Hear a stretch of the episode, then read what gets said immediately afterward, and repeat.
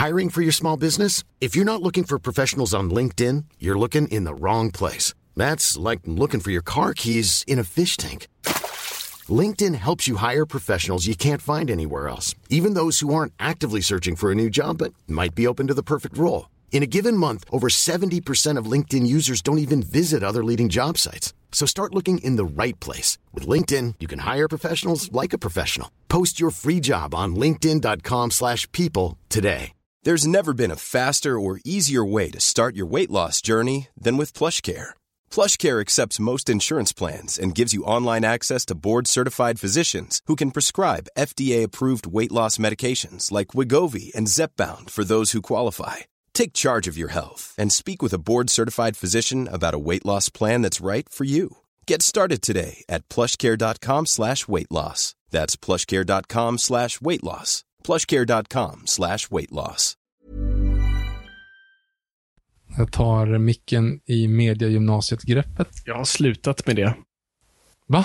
Jo, men det är för att jag har insett att det var för folk som var lite... Som gick på mediegymnasiet. Ja, exakt. Precis. Som behövde liksom veta att man inte bara rycker i sladden. Eh, Så då var det, Okej. det var en buffert för korkade människor. oh. I see.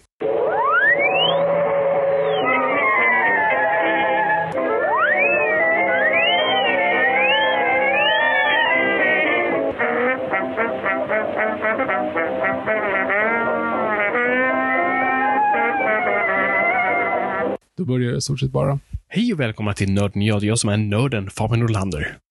Och det är jag som är Viktor Engberg. Det här är podcasten Summer Up With Acast, där vi pratar om nörden, nördkultur i slags bildande syfte. Jag försöker bilda Viktor i saker han tycker om men inte vet så mycket om och vi kämpar fortsatt med att inte uppfölja denna premiss. Eh, ja, det känns som att varenda gång nu senaste gången, så ja men fast det är i vanliga fall, men inte idag. Eh, För det ska vi inte heller göra idag, för idag är eh, så här, när vi startade den här podden 2015, eh, så var det också, det, det var liksom som i, eh, det kändes som att det då var den gyllene eran av franchisefilmer. Så vi, vårt, våra intressen kommer pika nu inom ett år kommer vi få, liksom, de kommer återuppliva Star Wars, man har sett trailern och allt är helt, kommer bli helt fantastiskt. Force Awakens kommer bli grymt. eh, Jurassic World skulle komma. Vi visste liksom att man hade planer på eh, att eh, Batman vs. Superman skulle komma. Liksom, allt det här är liksom, allt det här kom inom loppet av ett år och därför kände vi, nej nu jävlar, nu åker nörden och jag, nu startar en podd om det här, för det kommer vara så många fler som kommer intresserade av det här. Eh, Korrekt. Tji fick vi, för nu är liksom någonstans, nu är allting slut. Eller om man säger så. Alltså nu har vi, nu har vi fått liksom, vi har slutit eh, loopen på två av de här franchiserna. Och eh, en av dem ska vi prata om idag. Det var ett konstigt intro. Fabian, vad ska vi prata om idag? Ja, nej, precis. Det, det var ju verkligen Revenge of the Nerds och nu, nu känns det som vi är på, verkligen på andra sidan av det. Uh, vi förtjänar att få wedges. Det var det vi lärde oss av, av den här peri- perioden. Atomic wedges uh, to us all. Nej, men eh, exakt. Vi, vi ska recensera Jurassic World Dominion. Ehm, vi har ju faktiskt recenserat alla Jurassic World och vi har pratat om Jurassic Park-filmerna också. Och det, det har ni tidigare avsnitt om ni vill gå tillbaka. Det här är ju liksom det här är ju Mount Rushmore-franchise, helt klart. Eh, det här är ju, för, för ni som är uninitierad, eh, som, som eh, Bane skulle ha sagt, eh, vi är ju då liksom om det är någonting vi bondar kring så är det, ja men det är Star Wars, det är Bond och det är Jurassic Park. Det är där vi inser att vi, vi är ämnade för varandra, där vi inser eh, bara att vi, vi båda på tok för besatta av den här franchisen. Eh, ja, det här är den första vuxna VHSen jag köper, Jurassic Park, eh, runt 96. Eh, jag bara ser den ikoniska loggan, design av Chip Kid se det på en VHS. Jag får välja en film, för i sommar, föräldrar är generösa. Och syrran får välja en film. Hon väljer Kranbjörnarna i Underlandet. Jag väljer Jersey Park, har ingen aning. Och jag ser den och blir totalt förskräckt, eh, livrädd, eh, dödsångest, allt mittemellan. Men kan inte släppa mina ögon från det. Och det leder min, det är därför jag är ett filmfan idag. Det är, där, det är därför jag liksom jobbar i filmindustrin. Det är liksom, det, det, det, du kan, allting går liksom till, visst vi pratar om att allting kan ledas tillbaka till Batman, och så är det.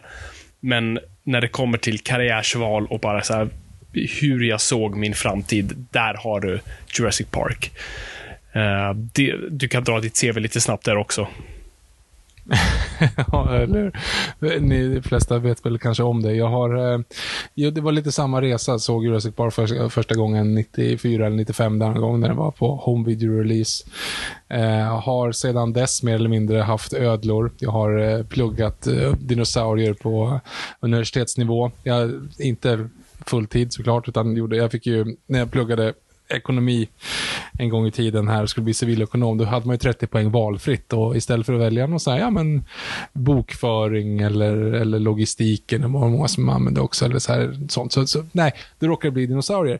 Så att jag körde ju då utbildningar på Uppsala. Jag bodde i Örebro under en period, men liksom åkte till Uppsala på helgerna för att läsa dinosauriekunskap på helgerna.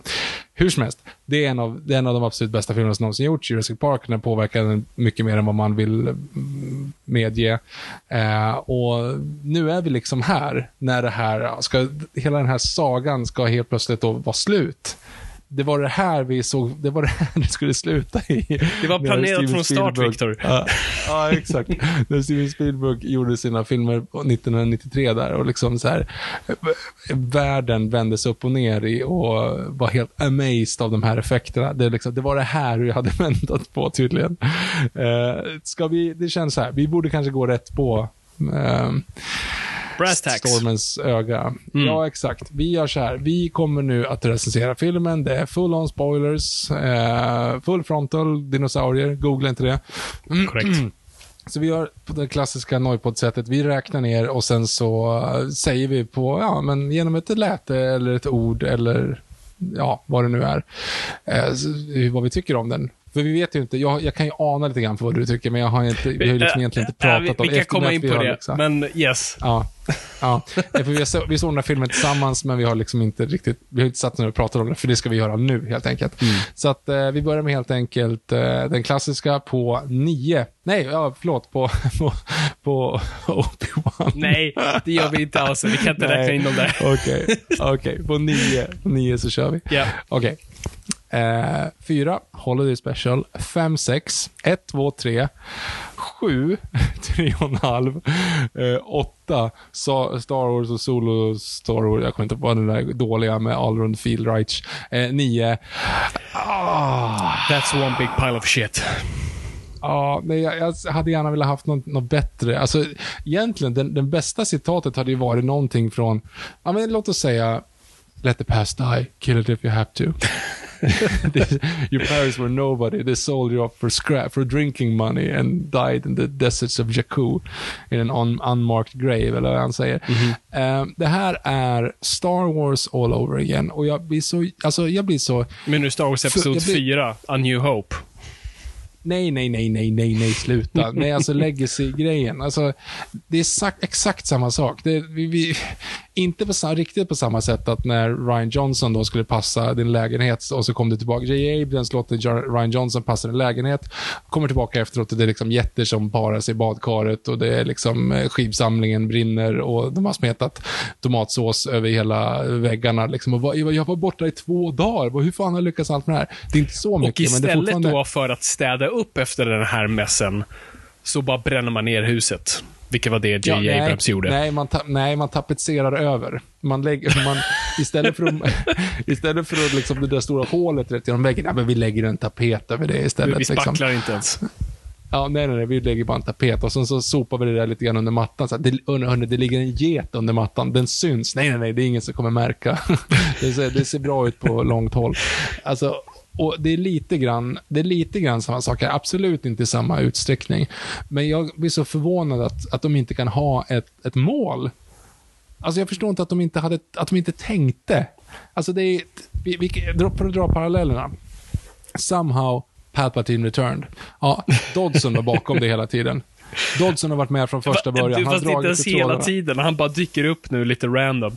Men det är det eh, jag menar. Palpatine gjorde samma sak. Det är det. Somehow Palpatine return. Nu, vi, liksom, vi har inte hintat om Palpatine överhuvudtaget. Och nu då i sista filmen då så kommer Dodson fram, så han, ska vara, han var skurken hela tiden. Och det är så här, ja visst, du skulle kunna argumentera för att det var han som satte igång alla grejer med Nedry redan i första Jurassic Park. Men du har inte, du har inte gett mig någonting om det, så, så det är inte okej. Okay. Eh, den andra då, den, en annan sån grej, och, som blir Ray istället, det är ju vi byggde, alltså Fallen Kingdom byggde på att John Hammond hade en kompis som ingen hade nämnt, alltså en affärskollega som inte nämndes, som de bröt upp för att han var liksom iffy med och mänskliga kloner. Eller hur? Uh, I guess. Ja, de var ju osams på grund av det. Och nu så visar det sig då att, att hon, det var inte alls så, utan det var ju hon själv som gjorde det. Så Ja. det finns ju inget review. Så, som andra ord, så varför var de osams för det? Det var ju dottern och, det är också så här helt ny karaktär då som, som ska vara tjohornas in, som inte hintats om överhuvudtaget. Och man blir så här, men vad, vad, alltså, Ja, vad slarvigt. Det finns ju liksom ingen logik. Ni har inte tänkt till. nej men det, det här är ju ett centralt program och vi, vi, vi, kan, vi, kan, vi kan komma in på det. Jag, jag tycker är roligt, vi, vi ska inleda där vi, in, där vi vanligtvis inleder bioupplevelsen. Och vi gick och såg den här på IMAX, bästa möjliga tid på premiären tror jag. Och folk liksom skötte sig. Man märkte att det var Jurassic Park-fans. Och det talades direkt, alltså, och då är det liksom, som sagt, premiär, IMAX, primetime. Jurassic Park-fans. Det ska vara, alla går in med den liksom, mest välvilliga av sinnen du kan tänka dig. Och det var knäpptyst. Inga hurrop, inget skratt, inget liksom... Nej, men det var det. Du känner av en publik ganska snabbt. Det var några små fnitter på Ian Malcolm-repliker här och var och de var verkligen sådär det, det, var, det var medvind med den fjärten. Alltså det var, folk verkligen ville bara försöka st- stödja det. Äh, det var värre. Och sen, någonting hände som aldrig hänt förut. Jag och Viktor har ju lite den här sagda, osagda regeln av att vi vi säger inte vad vi tycker efter vi, vi ser en sån här film tillsammans som vi vet att vi ska prata om. Vi vill spara det. Liksom. Vi vill, vi vill på ett väldigt katolskt sätt bara liksom hålla oss själva inför liksom, primetime. Då, då är det dags att köra. Ehm, och vi kunde inte ens Likt en, en, en tonårig skolpojke. Vi kunde inte hålla det i brallan. Vi bara, bara så fort vi kom ut, bara, vad var det där? Vad var det som hände egentligen? Och vi, så här, vi, vi försökte väldigt snyggt inte säga exakt vad vi tyckte. Vi försökte prata runt det. Också, likt en katolsk skuld. Liksom. Vi vill inte riktigt gå in på det. Det blir, liksom, det blir lite för känslosamt. Vi pratade oss runt det, men vi kunde liksom inte. Vi, vi, vi var ganska... Vi, vi, vi mm, i stort sett sa vad vi tyckte och tänkte där och då utan att säga det rakt ut. Men det var det vi faktiskt gjorde. Och det har aldrig hänt förut. Och det, det talar lite för den här filmen. Eh, och vad den gjorde med oss. Credit where credit is due, dock. Um, eller först och främst. Nej, först och främst så här. En, en positiv grej. Uh, där har du ju ändå liksom så här, om du tänker utifrån perspektivet, hade du fått en hisspitch? Hade du fått en hisspitch på en, en, en Jurassic Park-film? Alltså så här, och, och hade, hade någon sett så här, ja men hur ska ni, ha, hur ska ni liksom utveckla det här? Nej men Crichton pratar väldigt mycket om liksom, eh, att äga DNA, att, liksom, att onda företag kommer använda det här mot oss och liksom bygga olika för egen vinning. Så det kommer göra att vi har, de har släppt ut gräshoppor som bara äter vissa typer av grödor och de kommer tjäna pengar på det. Och det är så, här, ah, men okej, men det är fine, men det är, det är, en, det är, en, det är en schysst storyline, för det är lite, lite Crichton, det är lite okej. Jag är Yes. helt med på den. Ja, och sen så, så har vi en person som ska reda ut det här och det är Ellie Sattler och det är liksom så här, och på det sättet får vi ihop dem. Och Ian Malcolm jobbar där så här, mm, lite väl, okej, ja, ja, men visst. Ja, det funkar liksom. Ehm, och sen så har vi, men okej, men hur ska ni få in Jurassic World-personerna? Jo, men då har vi ju Blue och sen så har vi den och så, så och då var det så här, okej, vänta lite, stopp här nu. nu. Nu börjar det bli lite för mycket. Ni måste liksom hålla er på ett, ett spår. Ja, men Blue har ju en, en unge. Så här, okej, vart ska det leda? Nej, men den blir kidnappad. Okej, vart ska det leda? Eh, alltså, ingen, de skulle, de skulle ju ha den för att alltså, kolla på, okay, vad, vad fyller det? Ja, just det. Nej, det kanske inte... För Blues, det har de redan tagit i förra filmen när de skulle liksom, ja just det, det kanske inte funkar. Okej, men Macy då? Macy, de kidnappar Macy. Okej, men de ska inte kidnappa Blue. Jo, de kidnappar Blue också. Ja, varför det? Ja, Okej, men skitsamma. Det, det är kvar sedan förra manuset. Det är jättejobbigt att skriva om. Vi har kvar den biten också. Och sen så bara bygger det på och bygger på och bygger på tills det liksom, så här, och så har Giganotosaurus. Okej, men vad, vad fyller den för story i, vad fyller den för funktion i storyn? Nej, men det ska vara den stora spinosaurien, liksom. Den ska vara den on, stora onda som ska vara ännu större. Ja, men varför har vi inte Spinosaurus? Okej, men vi gör så här. Vi, spin, vi går tillbaka så har vi en flashback från början där liksom den här fighten, anledningen till att T-Rexen dör är Giganotosaurus. Liksom. Okej. Och sen så blir det studios som bara, men du, vi måste ta bort den där scenen. Nej, men det går inte, för då byter vi om alltihopa. Så vi, låter, okay, vi låter det ändå bli liksom en uppgörelse. Det känns som att det är, nu blandar jag ihop mig själv. Det känns som att det är typ sju olika manus som de har morfat ihop. Det finns ingen, det finns ingen stringens i filmen överhuvudtaget. För, alltså, med det sagt, hade någon kommit in och pitchat, okej, okay, det är en, ett Crichton-eskt, eh, eh, en Crichton-esk story där det är jord, eh, jordnötter, nu bra svenska, att det är gräshopper som, som har spritts ut och det är de vi ska bekämpa. Det är bara, fine. Rätt sätt att gå. Det, det funkar, mm -hmm. det är bra.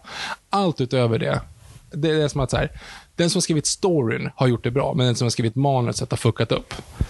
Ja, och jag, jag tror det centrala problemet här uh, är just knyta ihop säcken och knyta ihop trådar.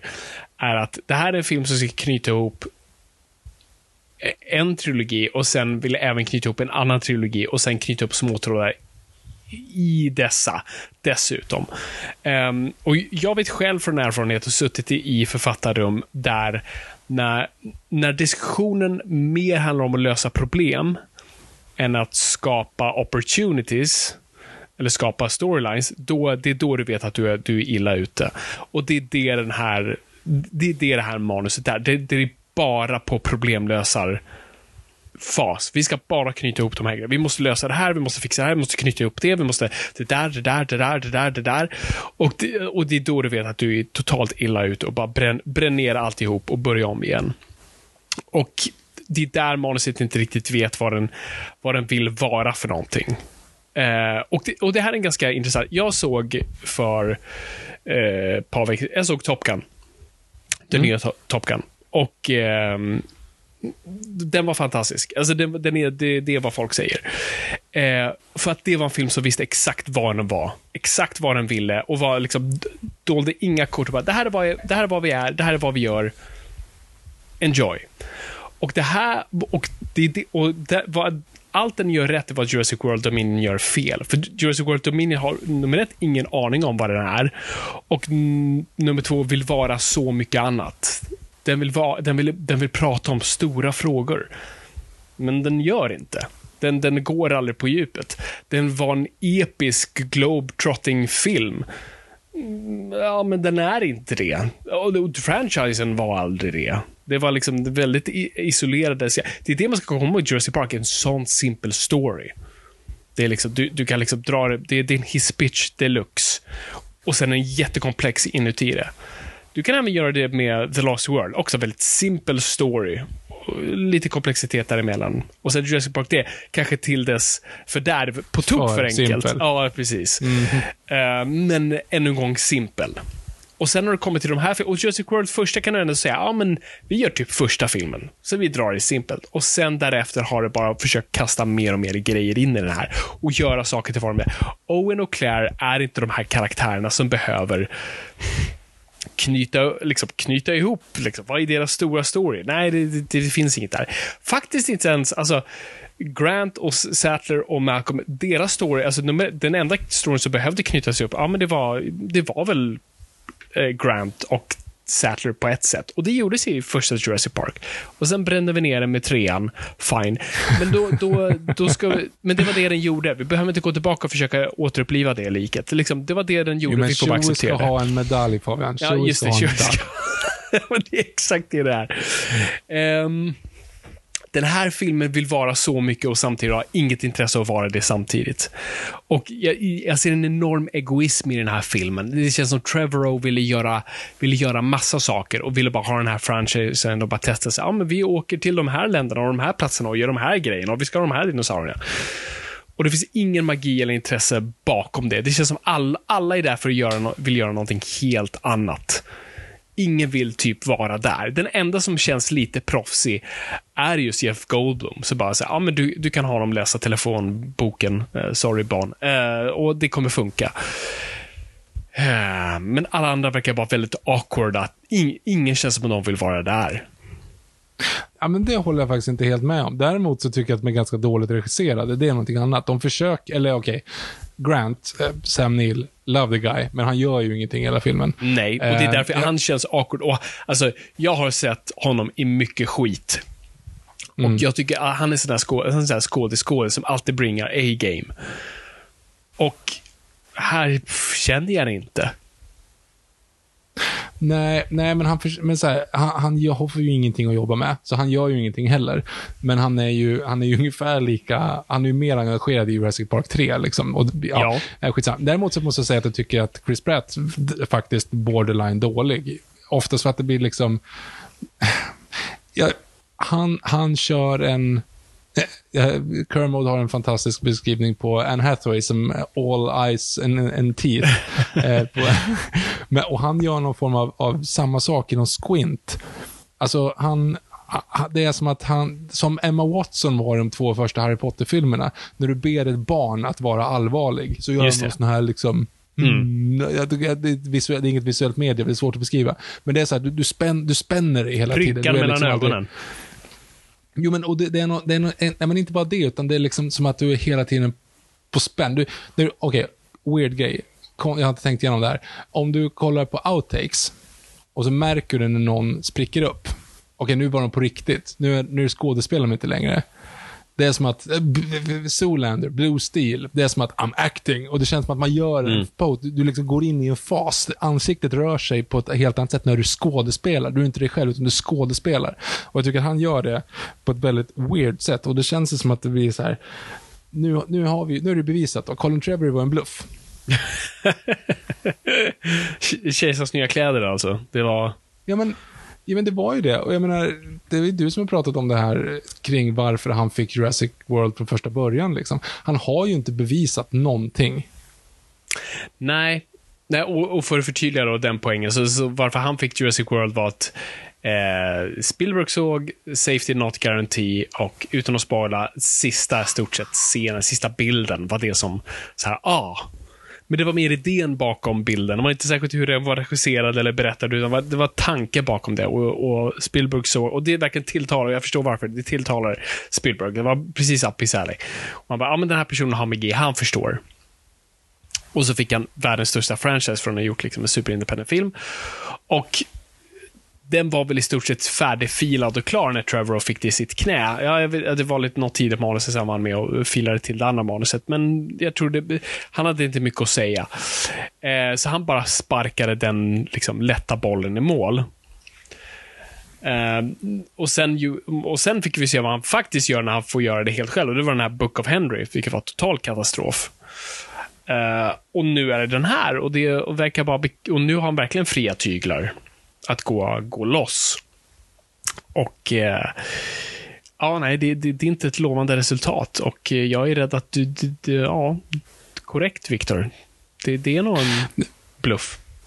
Nej, men man håller på och pratar om så här, ja, men hans Star Wars-manus skulle vara så mycket bättre för Rise of Skywalker. Men det, nu är det bara så här, nej. Nej, jag också tveksam. Och jag, jag var den, en av dem i den kö, eh, kören som just sa det. att Så här, åh gud, det här verkar ju faktiskt rätt lovande. Det här kanske var det här mästerverket vi aldrig fick. Det kan fortfarande ha varit så, men nu är jag ju verkligen så här, ja, projicerade vi bara våra bästa önskningar och viljor på det där manuset. Ha, men så här, hantverket. Man ska, man ska inte vara helt... Alltså, det är så deppigt att sitta och återigen såga en film. För att vi, vi har ju ett jävla dåligt track record på... Ja, men, ja, men, ja, eller hur. Men alltså, det känns... Den är, den är plottrig. Alltså, den har ingen sträng... Du, hänger inte med varför. Du förstår inte någons motivation. Varför ska de ha med Alan. Grant? Jo, men för att ha någon form av alibi. Varför har den Eh, här piloten helt plötsligt kärlek i sitt hjärta? Ja, och det var en jävla händelse att hon råkade se den personen och råkar hamna på samma badka- badrum där som visar den där bilden. Och det råkar vara, det är väldigt mycket sådana saker som bara fyller ut. Nej, och sen blir det Indiana Jones där i, i 15 minuter. Och sen så är vi tillbaka. Och det som är nästan det konstigaste är ju vad man utlovar. Alltså, vad utlovades i slutet på Jurassic World Fallen Kingdom? Ja, alltså det är ju den här, alltså ja. Det är, ju, det är ju frågan. Vad jag såg framför mig var att ja, nu springer tre dussin dinosaurier ut i det vilda. Så nu kommer vi få vad som har varit i böckerna. Att så här, mystiska, likt Bigfoot och Loch Ness-händelser sker där, där spädbarn eh, dör och folk blir uppätna på mystiska sätt och försvinner. Och vi hittar konstiga lik. Och det blir liksom ett litet detektivarbete där Grant tas in för att se vad fan är det här för någonting. Det vad jag typ såg framför mig. Jaha, okej. Det var vad du såg framför dig. Men vad, vad sista scenen i den filmen hintade om, det var ju att världen är helt liksom överröst med dinosaurier. Dinosaurierna var det helt, så. helt emot. Ja, men det, är så här, men det var den här scenen när, när T-Rexen går in och ryter mot det här lejonet och när Blue springer ut liksom i Nevada eller vad det var. Det är så här, och dinosaurierna är lösa. De är utom vår kontroll. Welcome to Jurassic World. Eh, hela den grejen. Det är ju löst när den här filmen börjar, mer eller mindre. För det första är det så jävla sloppy writing och köra den exposition-grejen med en, TV, med en, en tv-reporter som förklarar alltihop. Ja. Ehm, nej men alltså om du nu pratar om det skulle vara den här episka uppföljningen. För det första fimpar de ju ganska snabbt, för att det är så här, ja men de, de har fångat in de mesta av bajsen, har fångat in dem, sen åker du likt förbaskat och hamnar liksom i en, en konstgjord dal någonstans. Så det är ju inte hela världen. Sen skulle jag, alltså, det, det var inte det här, det, jag vet inte så här, vad var, det, vad var det vi egentligen skulle, vad är det för säck vi ska knyta ihop? Vad är det vi egentligen är ute Alla, efter? Viktor, alla var- säckar. Alla säckar ska vi knyta upp. Ja, men och det är lite det som är så här, okej, så vi måste vara speciellt för Blue ska vara speciell, så vi måste ha med att, den, att ungen stjäls, men det glömmer vi bort, för den, det fyller ingen funktion i plotten. Okej, vi ska ha den här, eh, att hon är liksom en klon. Och okej, ja men det, det är ju liksom så här, och det är ju Evil McEvil guy där som är ute och jagar och ska fånga in henne som nästan så här skrattretande med tatueringar i ansiktet och de ska verkligen vara superonda de här kidnapparna. Ehm, ja, jag, jag, jag blev bara, och så, jag, jag blir bara, jag blir bara liksom, jag blir bara ledsen för det kändes liksom som att det här var inte, det här var inte vad vi behövde. Det här var inte vad vi liksom ville ha, utan det var bara, det känns som att det här var deras sätt att försöka göra en film till. Ja. Vad har vi för anledning att göra, vad har vi för anledning att göra en film till? Om Och det finns ingen anledning. storyn. Det är bara att knyta ihop. Än en gång, vi knyter ihop de här trådarna. Det är enda anledningen för filmen att existera. Knyta, knyta, knyta. Ingen karaktärsmotivation, inget spännande dri- driv i det hela, utan bara, ja, nu knyter vi ihop det här. Allt på en gång. Eh, nej, och, och, På sätt som de inte har hintat om. Nej, men och så många, det är så många grejer att, att ta upp här, men en sån här grej som jag också bara slog mig och som jag insåg hos mig själv, men även hos filmmakarna, att det finns ingen magi i dinosaurier längre i den här franchisen. Filmen ser inte på dinosaurier som någonting fantastiskt. Ja, Claire säger någon gång så här, ja, do you remember the first time you saw a dinosaur? Jo, do you? Alltså, den här filmen har helt liksom tappat det. Det finns några liksom bra serier. Det finns den här de, du vet, där de är ute i, och träffar någon, vad, fan, sauropod ute där i Ja. eh, skogsskövlar-grejen. Ja, det, var, det, det, det var något för filmen helt plötsligt tog det lite lugnt och andades. Men annars finns det ingen liksom A och känsla för dinosaurier längre. Det är bara vi bara kör samma gamla grej. Alltså bara inledningsscenen. Och jag har glömt bort om det är, är inledningsscenen med den här vattendinosaurien, vad det nu heter? Mm. Yes. Det är ingen, det är Mosasaurus. Ja, Mosasaurus. Ja. eh, hur en film är så dålig på att bygga stämning. Alltså, när man tittar på inledningarna på Jurassic Park, The Lost World, fan, även Jurassic Park 3 i det här fallet. Hur vi bygger stämning och, och liksom spänning i stunden. Då, vi vet att det är någonting dinosaurierelaterat, men vi, kan- vi vill en, ja du vet, vi bara får, Även får känsla av Jurassic det. World Fallen Kingdom har ju en grymt intro också. Ja. Men, men här är liksom bara pff, pang på, pff, här så fram med den, visa den, ner med gylfen, varsågod. Tre sekunder, jag bara, Jesus, bjud mig på en drink först. Alltså det, det är liksom, det är bara, det är ingen känsla för det alls. Det bara, så här har ni. Och jag förstår, det är för att de kuttrar det som du nämnde, de kuttrar den där monol, äh, eh, inte monolog, prologen, eh, som, som, som jag nu såg, för jag vet att vi pratade om det i podden, för du hade sett den innan och sa nej, jag vill se den eh, kopplat till filmen. Jag vill inte se någonting ur kontext. Jag vill se det liksom, där det var ämnat och sen eh, the jokes on me, fool me once. Eh, det, det var bortklippt och eh, nu hade de ingenting annat att jobba med. Så jag förstår att det, det är ett litet Frankensteins monster det här och de bara kastade ihop någonting och det fick funka som det gjorde, för de hade inte mer material. Så Fine, jag fattar det. Men shit vad man inte får känslan för dinosaurier överhuvudtaget, eller då inledningen av den här sista delen i franchisen. Um, och sen vill jag också bara ta upp igen det du, det du nämnde där. Insekterna. Jag håller med. Jag tycker det är den mest intressanta delen. Jag hade kunnat ta en hel insektsfilm by the way och inga dinosaurier. För det är så Crichton. Och det, är det, och det är det vi verkligen liksom har ältat här och, och, och, och vad jag ältar. Och jag vet att våra lyssnare kanske är lite trötta om hur mycket jag både förlåter och fördömer filmer för hur mycket de liksom fokuserar på kärnan och hur mycket de tar från kärnan och sånt där. Och jag kan då bortse från mycket skit för att jag förlåter dem i och med att de har plockat mycket från, från just kärnan. Um, och i det här fallet så, så, så, så, hade det kunnat vara så. Just för det är väldigt Crichton att just här fokusera på den aspekten av det. För för Crichton var det aldrig riktigt dinosaurierna som var grejen och det är det som är grejen med den här franchisen. Det handlar egentligen inte om dinosaurierna, det handlar om kontexten dinosaurierna befinner sig i. Hade de bara gjort 15 en... minuter dinosaurier i första filmen. Yes. Just saying. Hade det liksom Ja, nej men hade det bara varit liksom, ah, nej, dinosaurier eh, är, är tillbaka och, och, är vid liv. Oh my god, och nu gör vi en film om det. Och det hade i stort sett varit Jurassic Park. Eh, med effekterna och scenerna och, och scenografin och set pieces och allt sånt där. Hade inte funkat, utan det handlar om inramningen. Och det, och det är Crichton 100%. Och, och läs böckerna, framförallt första, och, och ni fattar det. Du, liksom, du mixar det här eh, technoskräcken med just den här barnsliga grejen av att ja, men jag vet hur det är att vara på en djurpark. Jag vet hur det var på, på en nöjespark. Och jag kan drömma bort i det scenariot och tänk om det var dinosaurier på den. Det är bara, det är briljant i sig och där kan du sedan leka med större teman just för att du gör det så simpelt. Men, och det hade kunnat det, ha det här ja. också, men, men just som du säger, insektsaspekten är mm, en liten liksom bistår CD, eh, GH, IJK. Eh, det är en story så långt bak som är så irrelevant och också än en gång bara där för att lösa problem.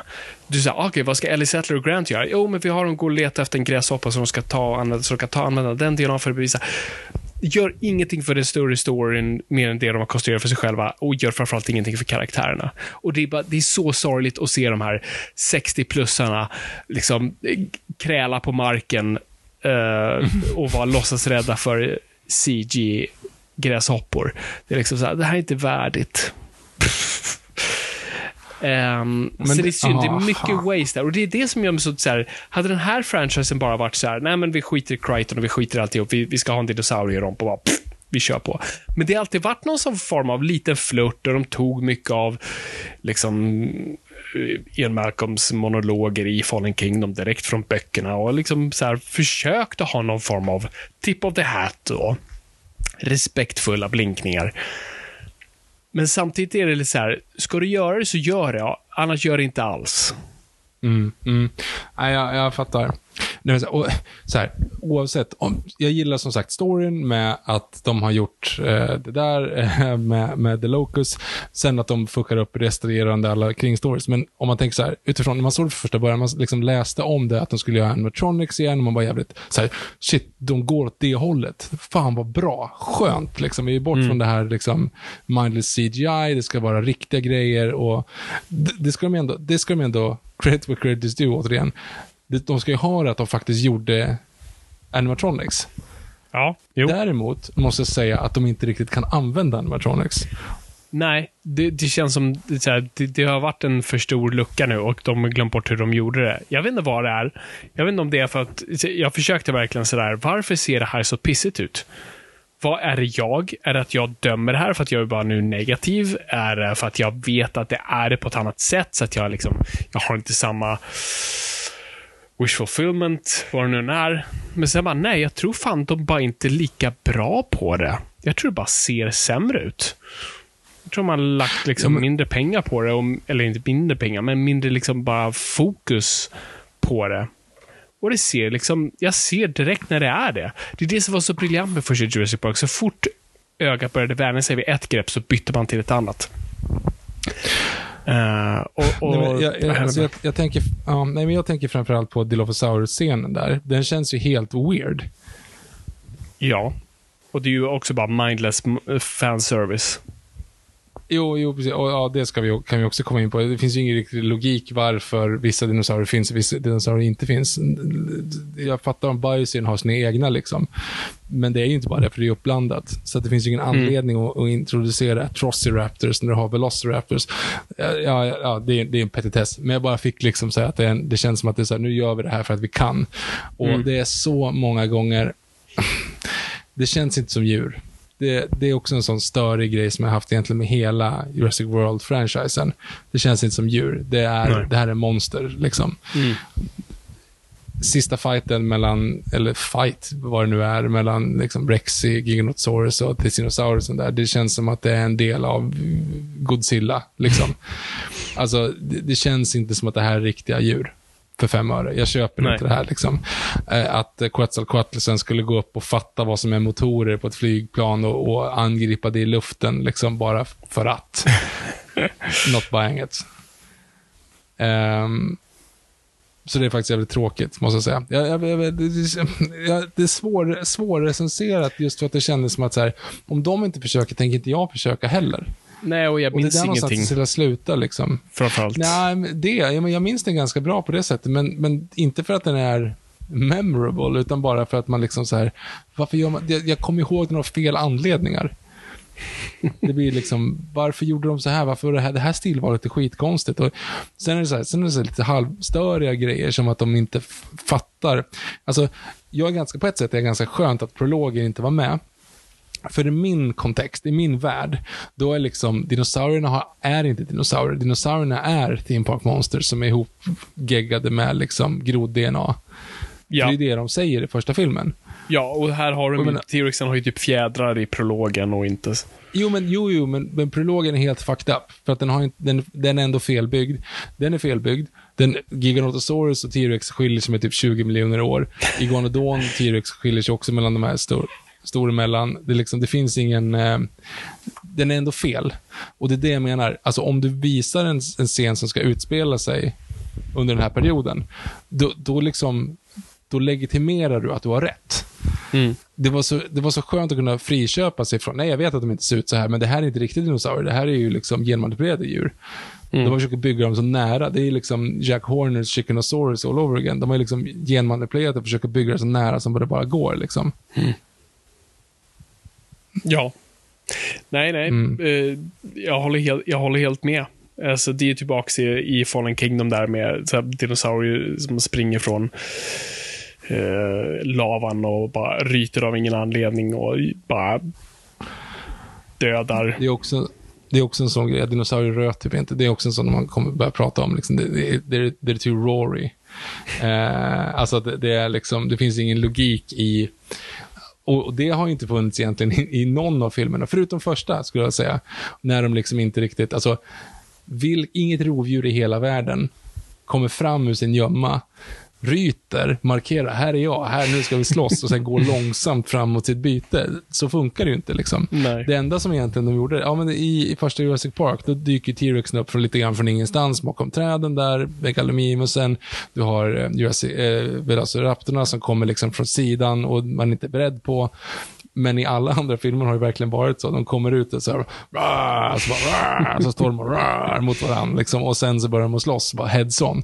Du ser ju aldrig ett lejon och en buffel stå och gå fram emot varandra. Typ, liksom, verkligen bocka framför sig, en garde, och sen börja liksom slåss. För att fan, du kan ju, få, du kan ju skada dig. Ingen av dem vill ju skada sig. Mm. Eh, så att, ja. Det är, eh, nej, det, det, är så här, och sen också en sån här störig grej. Varför har de med Dimetrodon? Dimetrodon är ingen dinosaurie, levde under perm. Ja, det är Eh, väldigt i- tidig. Ja. Jag, jag läste till och med på något forum så här att de pratar, ja men alltså, i och med, de, de är ju, Dimetrodon för er som inte vet om, de är pelykosaurier, alltså de är inte ens dinosaurier, utan de är egentligen mer däggdjur faktiskt. Eh, de är mycket, mycket tidigare än dinosaurierna. De levde under perm och första perioden dinosaurier dyka upp i Trias, vilket var någon liksom, så här, lite nördig kommentar att om man ska vara helt, helt petig så fanns det inte myggor heller under perm. Eh, Så det är helt omöjligt på många sätt att de har liksom dekonstruerat den DNA. För att där, nej, Dimetrodon, helt fel. Och samma sak, hur, hur, vilken mygga har de fått eh, Mosasaurus DNA ifrån? Mm. det, ja. Nej, det, är så. Nej, jag, jag är faktiskt, jag, jag, känner mig, jag känner mig kluven och, och dålig för att jag inte kan sätta bättre ord på det.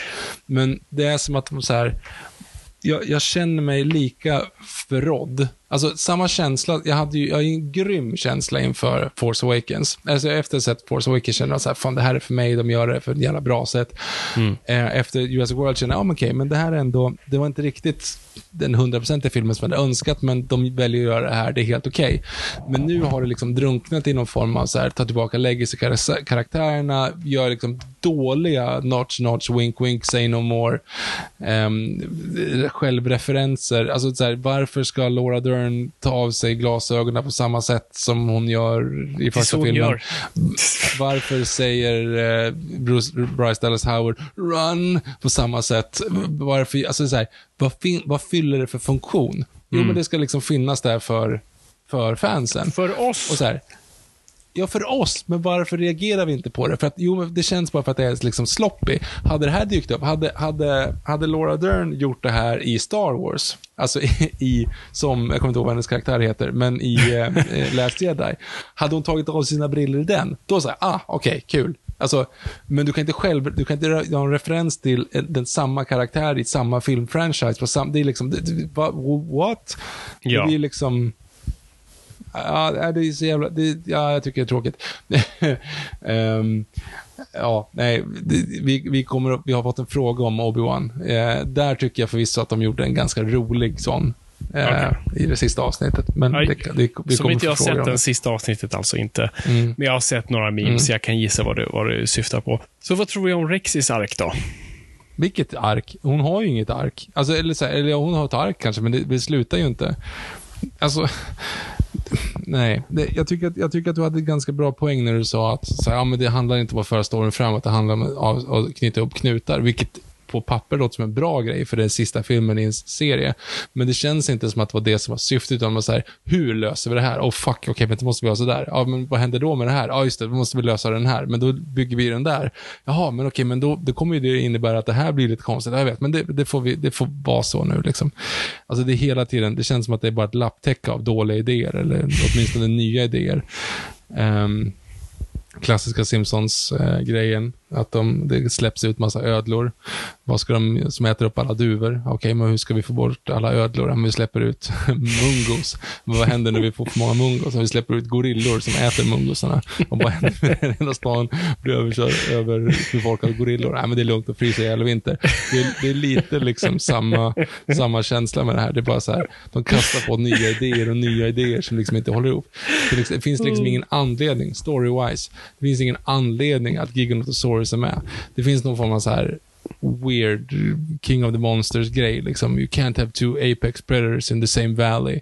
Bara, jo, det kan du så länge det, det handlar om hur mycket bytesdjur det är. Framförallt om det inte är species. Du kanske inte kan ha liksom två av samma art som hypotetiskt skulle liksom, som, ja, nu gissar jag på dinosaurier biologi, men, men jag menar om du ser i djurriket idag, det är inte så att liksom en, ett, ett lejon skulle inte gå och spöa upp en, en krokodil för att den är på deras territorium. Liksom. Nej. Alltså, det, det är liksom... Och framförallt inte om det finns bytesdjur så räcker då, då, då konkurrerar de ju egentligen inte om någonting. Nej, det är lite som i Jurassic Park 3 med att Spinosaurusen dras till T-Rex piss. Ja, det är helt fel. För att du skulle ja. ju aldrig liksom de flesta djur drar ju sig för att möta någonting som är lika stark som den andra. Ja, det är liksom Alla, ingen även liksom, Nej, och, och liksom även när de jagar ja, men, lejon som jagar på savannen jagar, jagar ju alltid liksom, de gamla och svaga zebrorna. De ger sig aldrig på en, en färsk zebra, så att säga. Vilket skulle vara jävligt dumt då, att ge sig på liksom, ett lika starkt lejon.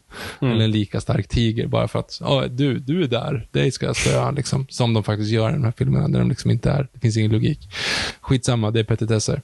Eh, just det, och hennes ark då, ja, det slutar väl med att hon blir polare med eh, Buck och Doe från The Lost World. Och nu är jag verkligen sådär, och det är det här som också är problemet med den här franchisen. Det är så mycket konstig fanservice wink. Och fanservice, alltså, vad fans oftast gör är att liksom böja sig baklänges för att lista ut ah, varför ser vegetationen annorlunda ut i Jurassic Park 3 versus The Lost World när de är typ på samma plats fast ändå inte. Liksom, spela inte in i det där. Låt oss ha det på sidan och det är en kul grej att klistra ihop i efterhand, för vi vet att filmskaparna absolut inte bryr sig om vegetationen från film till film och sånt där. Och, och det är det som är så konstigt när den här filmen och de här tre filmerna, framförallt den här filmen, hela tiden försöker ge oss de här grejerna. Och då ännu mer öppnar upp konstiga maskburkar som bara, men vänta nu, det här makes no fucking sense. Och vad, vad ger det mig och vad säger det? Och vad, aha, hur tänkte vi där? Det är så konstigt och ger mig absolut ingenting, än mer frågor som jag inte vill varken ha besvarade eller ställa mig själv. Och... eh, Ja, men då är ju frågan då, för det är ju också en sån här fan, fan-idé, att T-Rexen som dör i Jurassic Park 3 är ungen från The Lost World. Liksom. Att det skulle Ja. vara en sån. Just det. Eh, Men, men det finns ju egentligen ingenting som underbygger det syftet, eller den teorin, mer än att animatronicen de använder på T-Rexen är ju en om, ommålad, men samma animatronic som eh, Lost The World. Buck i eh, Lost World. Mm. Så här, men det är ju en behind the scenes-grej att de sparade in massa pengar på att inte bygga om helt ny animatronic för en scen. Liksom. Det har ju ingenting med liksom, loren att göra. Mm. Ehm, Nej, precis. Nej, men, och, och sen också med just det här, vi lägger in för mycket. Alltså Rexy betyder mycket för oss, liksom ännu en gång, fans som fokuserar på att eh, Spinosaurus inte dras till piss, jada jada, vegetation, jada jada. Eh, vart befinner de sig på ön, jada jada. Jag behöver inte ha att Rexy har ett ark och är en karaktär. Precis som Blue också. Blue är ju en, en, ett nytt påfund. Men liksom, det enda vi gör är att göra de här eh, djuren till mindre djur och, och mindre läskiga och bara... Och vi landar någonstans mitt emellan också, att Rexy ska typ dö fast ändå inte och sen kommer det triumferande ut därifrån. Det, det enda jag hade köpt som ett så här closing of the ark hade varit byt ut fucking Ceratosaurusen i Fallen Kingdom mot Spinosaurusen. Happy as a clam. ja, ja. Ja, ja, Gigantosaurusen menar du? Ja. Nej, nej, jag pratar Fallen Kingdom nu. Jaha, Då är det okej, Ceratosaurus. Den som Ja, T-Rexen fightas mot där i... Ja. Carnotaurusen, just det. Mm. Eh, precis. Eh, det hade jag kunnat nöja mig med. Det är en kul så här, wink wink nudge nudge. Eh, en rolig rematch. Eh, det, det, det var ändå i filmen. Ja, Mm. men du vet. Men du, Fabian. That was Isla Sorna. Nej, that was Isla Nublar. This is Isla Sorna. Site Ja. B. Exakt. I never even nu- been to this island. De har gjort massa nya dinosaurier där. Så att Spinosaurusen Jo, kan lika gärna... Spinosaurusen skulle inte, har inte varit på samma ö som den. För den var ju hela tiden på Site B. Ja, just det. Men ändå. Fallen Kingdom Skitsamma. är ju, är ju första ön som sprängs. Än en gång, lägg inte för mycket andra. logik i det här, Viktor. Det, det, det är det min läxa är. Ja. Ja, jag vet inte. Okej, och, sen, och sen på tal om då fanservice och konstiga grejer. Så Dodson. Ehm, Mm. jag, de la så liten vikt vid det att jag var tvungen att fråga det efter dem. Så här, det är inte en slump, va? Det där är Dodson, Dodson. Dodson, we got Dodson here. Mm. Ja, jo, det är det. Okej. Så det är weird. Och det är ännu en gång hur vi gör saker bara för att göra och knyta ihop säckar utan att faktiskt förtjäna dem. Och Dodgen hade varit en bra antagonist i The Lost World. Kanske till och med i Jurassic World första. Att, så, ja, men nu, nu är det han som har köpt upp ön, skapar en rivalerande. För han var den som kanske var närmst tekniken i Canon. Och, eh, men kanske dragit helt fel läxa och eh, blir Michael Crichtons värsta mardröm när det kommer till DNA. Liksom säljer även det utanför. Eh, och där kan vi få in kloning och allt annat. Men nu att kasta in honom så sent i gamet utan någon form av uppbyggnad och som en stor big deal.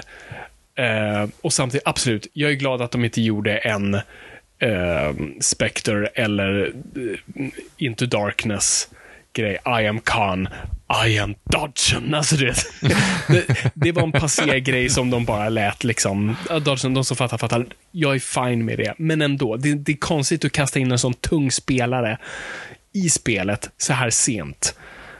Och inte göra någonting Och för- det. Och att han har Barbasol-burken är så här och än en gång, logiken ska vi inte gå in för mycket, men, men det, det, det är det liksom på något vis lånar sig själv till att det får mig ifrågasätta logik.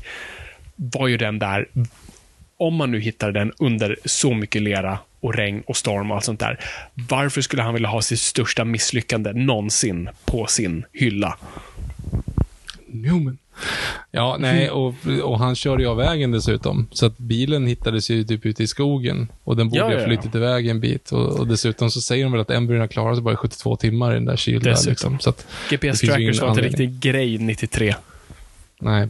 Ja, petitessgrejer. Och för er som eh, tänker, vänta lite, vad då första filmen? Och det är ju Campbell Scott som spelar eh, Dodson i den här. Eftersom eh, skådisen som spelade honom i första Jurassic Park är lite lätt cancellad, om man säger så. Han sitter inne. Japp. Ehm, så att man ville väl inte ta tillbaka honom. Nope. Det var väl aldrig ens på, på tapeten visserligen, men ändå, det, det är därför. Ja, det det, Nej, det känns bara känner det, det, är ett ja. bra tema för allt. Liksom. Det är antingen för sent eller onödigt eller inte alls. Och vi gör saker ingen bäddar om och samtidigt lägger vi jättemycket fokus som väldigt få bad om. Och det känns som vi i publiken hamnar där någonstans mitt emellan och ingen är nöjd, ingen blir glad. Och, ja. Jag, jag kan tycka också att det är slarvigt av, av d- en så pass stor liksom, franchise att igen fastna i King Kong-träsket. Alltså, det är bits and pieces. Det känns inte som att det är... En, en okej, så här. En scen som jag verkligen gillade, det är när Tyrannosaurusen kommer första gången. Den är liksom uppbyggd på ganska schysst sätt. Man ser att den är blind på ena ögat. Det är liksom, Mm. fan, okej, Det är en bra scen. jag, den scenen gillar jag. Liksom. Den är 100%, den är 100% utförd. Den biten liksom. Men, men det andra, att det verkligen är så här, ja, Atrociraptors, och så springer de ifrån dem, och sen så, ja, eh, Pyroraptor, och så springer de ifrån dem, och så, it's a Quetzalcoatlus, och så, och så fightas mot den, och så bara, Dimet- alltså, så, och så kommer Dimetrodonerna, och så fightas de mot den, och så springer man ifrån den, och så, så här, det, vet, en ny dinosaurie, ja, en ny dinosaurie. Exakt samma sak som, som eh, King Kong, Naomi Watts springer omkring där och bara möter en dinos, någonting, något monster backar in, vänder sig om, ett, ett likadant monster, springer ut och så möter någonting större. Det- är typ 20 minuter i Peter Jacksons King Kong som är exakt så. Och det känns som att det är typ fem tillfällen i den här filmen där allting bara stannar upp för att det kommer en dinosaurie så måste man gömma sig på något sätt eller springa ifrån den och sen bara fortsätter handlingen igen. Det finns liksom ingen, det fyller ingen funktion. Mötena fyller ingen funktion. Det är bara så här, kolla, den här, den här leksaken kan vi också sälja. Alltså hela Pyroraptor-grejen där att den kunde simma under vattnet och varför skulle den... Uh, uh, uh, det känns inte... Det känns inte... Det känns på något sätt så här, jag ska inte säga att det känns verkligt, utan det känns töntigt att, att, att liksom klaga på. Men någonting känns iffy när dinosaurierna beter sig som mördare. Det är inte bara monster, utan de är ute efter att liksom döda bara Mm. och gör det på liksom finurliga sätt. Ja, de ska inte hoppa på den, utan den ska hoppa in under isen. Inget normalt djur hade gått in medvetet under en is, liksom, som andas luft. Alltså, En ja, säl kanske. Ja, jo, det skulle vara den då. Men ja, jag bara, jag, jag tycker bara så slarvigt liksom. Och den försöker vara djup, men den är inte det. Jag tycker att den är liksom, Ja. nej, fan. Nej, Och fan. tråkigt. Tråkigt. Den är, den är, det är en godkänd film, men inte så mycket mer. Den är Va? godkänd för att nej, den har... va? Godkänd? Är du galen? Ja, en tvåa. En tvåa.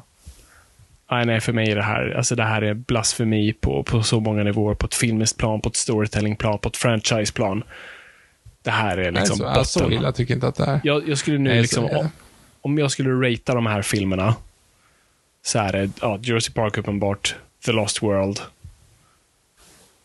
Fallen Kingdom, ehm, Jurassic World, Jurassic Park 3 och den här. Du överdriver nu. Du kan inte säga att Jurassic Park 3 är en bättre film än det här. Ja, skulle jag välja att slå på Jurassic Filmen Park är 3? en timme och 17 minuter. Ja, Den- det är liksom- jätteskönt. Det är över snabbt. Det, spel, det Och spelades du har- in utan manus och det är liksom... Jajamän. Och du har, men det du har ändå, stakes. Spinosaurusen är cool, som är eh, av samma design som designer Crash, som gjorde de andra dinosaurierna, så den ser cool ut. Du har lite, de har tagit lite bits and pieces från manusen från de andra filmerna som inte blev av. Och så att det, alltså, så det, det, i- ta det inte som att jag försvarar Jurassic Park 3. Se det som tvärtom hur illa den här filmen är. Nej, men där tycker jag att du överdriver. Om man ska, så, så illa är det inte. Den är fortfarande en godkänd film. För det så här, den, har, den har sina stunder. Det är fortfarande liksom en... effekten är fortfarande bra. De har A for Effort, de byggde en stor animatronic, Giganotosaurus. Gjorde Ehm, Jurassic Park 3 också. Två stycken som slogs.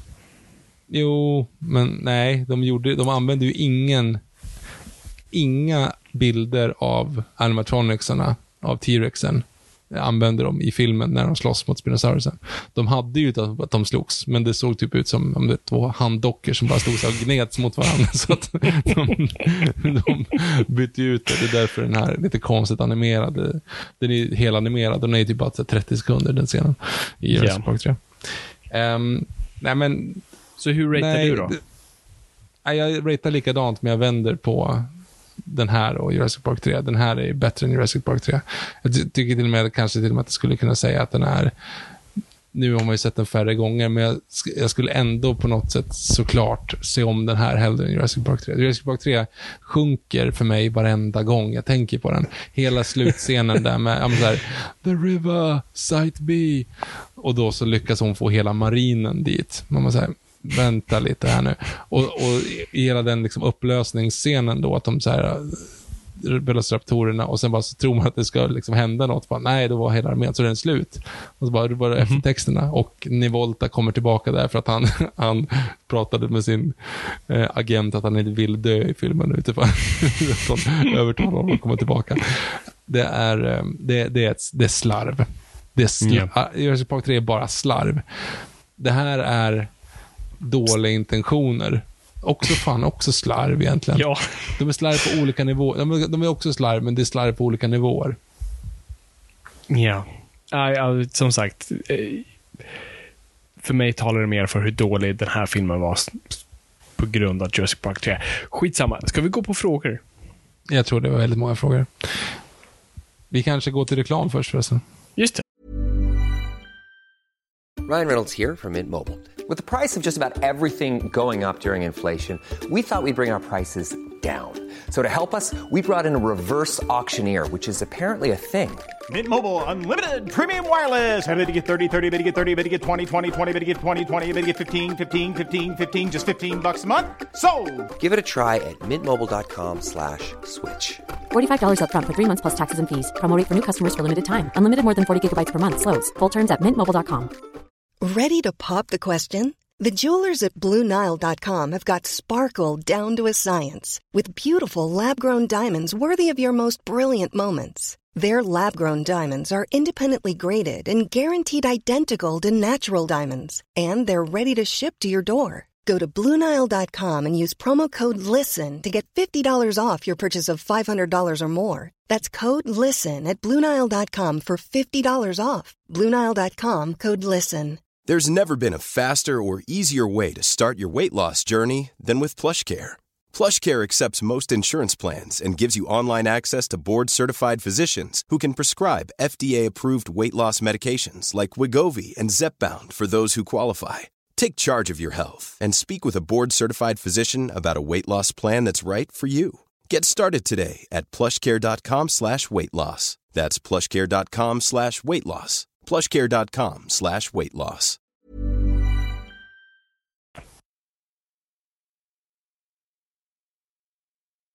Då ska vi svara på lite frågor som ni har skrivit in till oss på Instagram. Ska säga Aron slanten. Jag har, tar de här i tidsordning. De kom in nu Fabian, så jag har inte tänkt i liksom logiken bakom Ja. eh, varför det Ja, är det så. lär väl vara lite spritt med eh, Jurassic World-frågor och vanliga frågor. Exakt. Eh, Aron Pelasanten, inte sett filmen än, så blir en annan fråga. Hur mycket skadar hela debaclet med Ezra Miller och Amber Heard DC egentligen? Jämför man med Marvel så har ju DCs filmskapande verkligen kantats av problem som dessa och till exempel Whedon. Ha en fin midsommar. Aron. Ja, Fabian. Varför fortsätter du försvara DC? Alltså, alltså jag tycker så. Alltså, tidigare har jag ändå varit så här, fuck you uh, Warner Brothers och uh, allt ni har gjort. Men alltså nu, nu tycker jag ju bara synd om dem. De har ändå varit så ja, det, har, det har varit mycket skit och fram och tillbaka om Mastersgate och Snyder Cuts och Josh Sweden och allt det där fram och tillbaka. Och nu ändå kändes det som att okej, ah, okej men fuck it, nu, vi, vi, vi har två säkra kort. Aquaman. och sen kommer vi bara lansera på nytt med Ezra Miller, Flash. Skitbra. Han är också progressiv, det är nice, det kommer funka bra i den allmänna debatten, kulturkriget, fan vad nice. Och så har vi Keaton med legacy-karaktär. Ja, det kommer bli fantastiskt. Och sen nu bara en total jävla bajskorv påeldad i brevlådan. Uh, alltså det, det kommer bli så fascinerande för att alltså de kan ju inte sätta Ezra Miller i någon jävla tv-soffa. För er, för er då som har missat, uh, jag kan inte allt som har hänt, men låt säga att det är mycket att Ezra Miller verkar gilla finkan av någon anledning. på Hawaii dessutom. Det verkar vara väldigt bra. Det, Han, och Island och allt möjligt. Han är, det är ju en uh, rehash på um, uh, South Park-avsnittet när de har Russell Crowe fighting around the world with Ezra Miller. Det, det, är, det är ju det. Yes. Nej, han, har, han har fightat sig världen runt, särskilt på, på öar. Eh, han har även tydligen groomat någon ungdom, eh, min, någon minderårig. Eh, det här är inte bra grejer. Liksom. Alltså, du kan ju PR-mässigt ta dig ut, typ slagsmål. Ja, men jag, nu är jag nykter och det, det var en dålig period i mitt liv och mm, dålig barndom. Men när du börjar grooma minderåriga, då, då hamnar du inte liksom bredvid James Corden Nej, då, anytime då är soon. det ju kört igen. Då är det inte carpool karaoke som gäller. Ehm, så jag vet inte fan hur de ska ta sig ur det här. Alltså de hoppar, det är väl huvudet i sanden nu och bara hoppas att det eh, liksom, ja, det går över. Ehm, Men, det men så här, de behöver inte bry sig om det än för att de har Amber Heard i sin nästa storsatsning istället. Absolut, Liksom. det är det vi alla fokuserar på, men nu är det lite över. Eh, och eh, ja, och det har varit lite rykte fram och tillbaka. De ska klippa bort henne, de kommer ta in Emilia Clark istället. Men det låter ju som att de redan totalt reducerat henne eh, från start i den här De kände, de versionen. kände väl att det var på väg, kanske, om inte annat. Ja, precis. Så att hon kommer att vara, om hon inte redan var väldigt nerklippt, extremt nerklippt här, hon kommer inte befinna sig på några posterna eller något sånt där, utan det, det, det kommer vara totalt, totalt ignorera henne och jag tror filmen kommer liksom uppfylla det genom att hon inte är med så mycket. Mm. Ehm, det är väl typ det.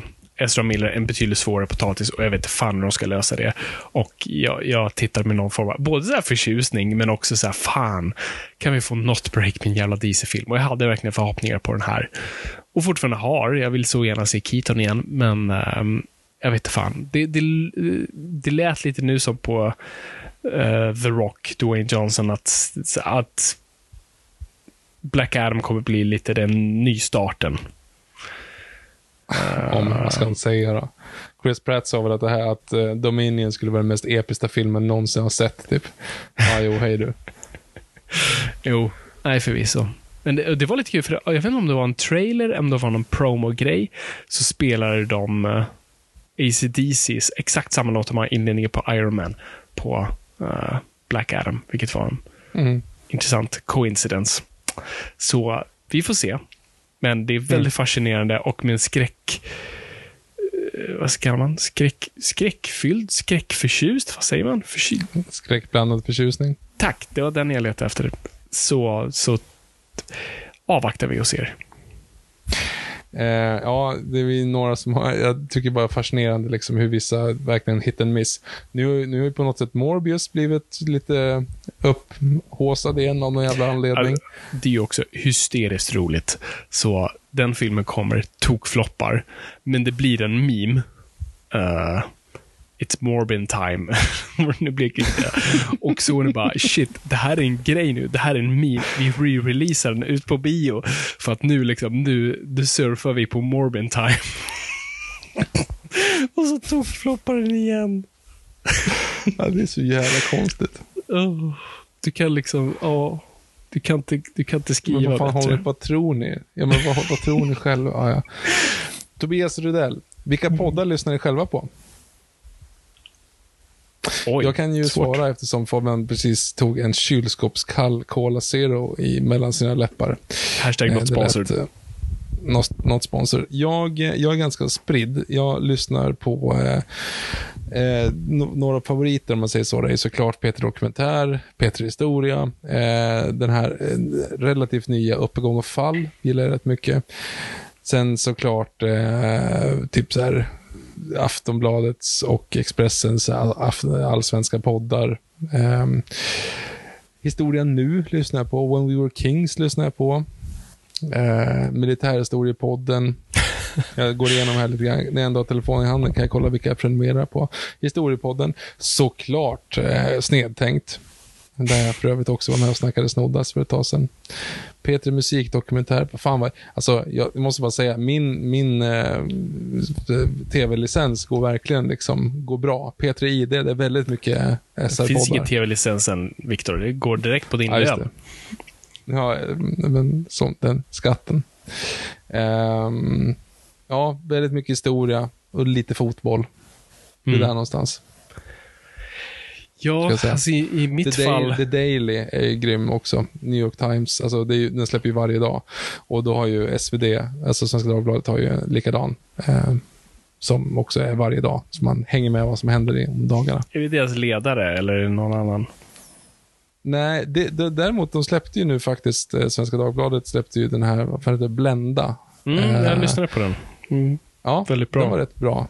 Mm. Nu är det ju också lite intressant, för det ju bara släppts ett avsnitt, men det kändes ju spontant som att det var en, en ganska liksom väl, välgjord, producer, välproducerad liksom, dokumentärserie. Men där, Upp unga fall ska du lyssna på i så fall. Ehm, den är ju grym. Ehm, om jag får bara säga. Dagens Story tänker jag på med Svenska Dagbladet. Just det. Det, de släpper ju varje dag. Mm. Du då? Eh, ja, gud. Alltså jag, jag, jag lyssnar inte på jättemycket nu för tiden för att jag, jag, jag fick ångest. För det blev too much. Men och jag, jag behöver inte dra allt, för jag, jag lyssnar på väldigt ointressanta grejer. Det är mycket klockrelaterat och sånt där. Eh, är man lite intresserad av, av klockor, men också gear och lite äventyr och dykning och eh, globetrotting och sånt där. The Grey NATO. Eh, det, skulle, det är som Noipod fast för klockor. Eh, och gear. Um, filmmässigt skulle jag rekommendera, på, som var en rekommendation från en lyssnare faktiskt, eh, som heter, nu ska vi se, vad fan heter den? Är det The Art... Åh herregud, inte Art of the Score? Är det, är det The Art of the Score? Nu måste jag kolla det Kermode? bara för. Ja, Kermode lyssnar jag alltid, liksom, eller inte alltid på, men jag lyssnar på liksom eh, de intressanta grejerna. Ehm, nej, men det... det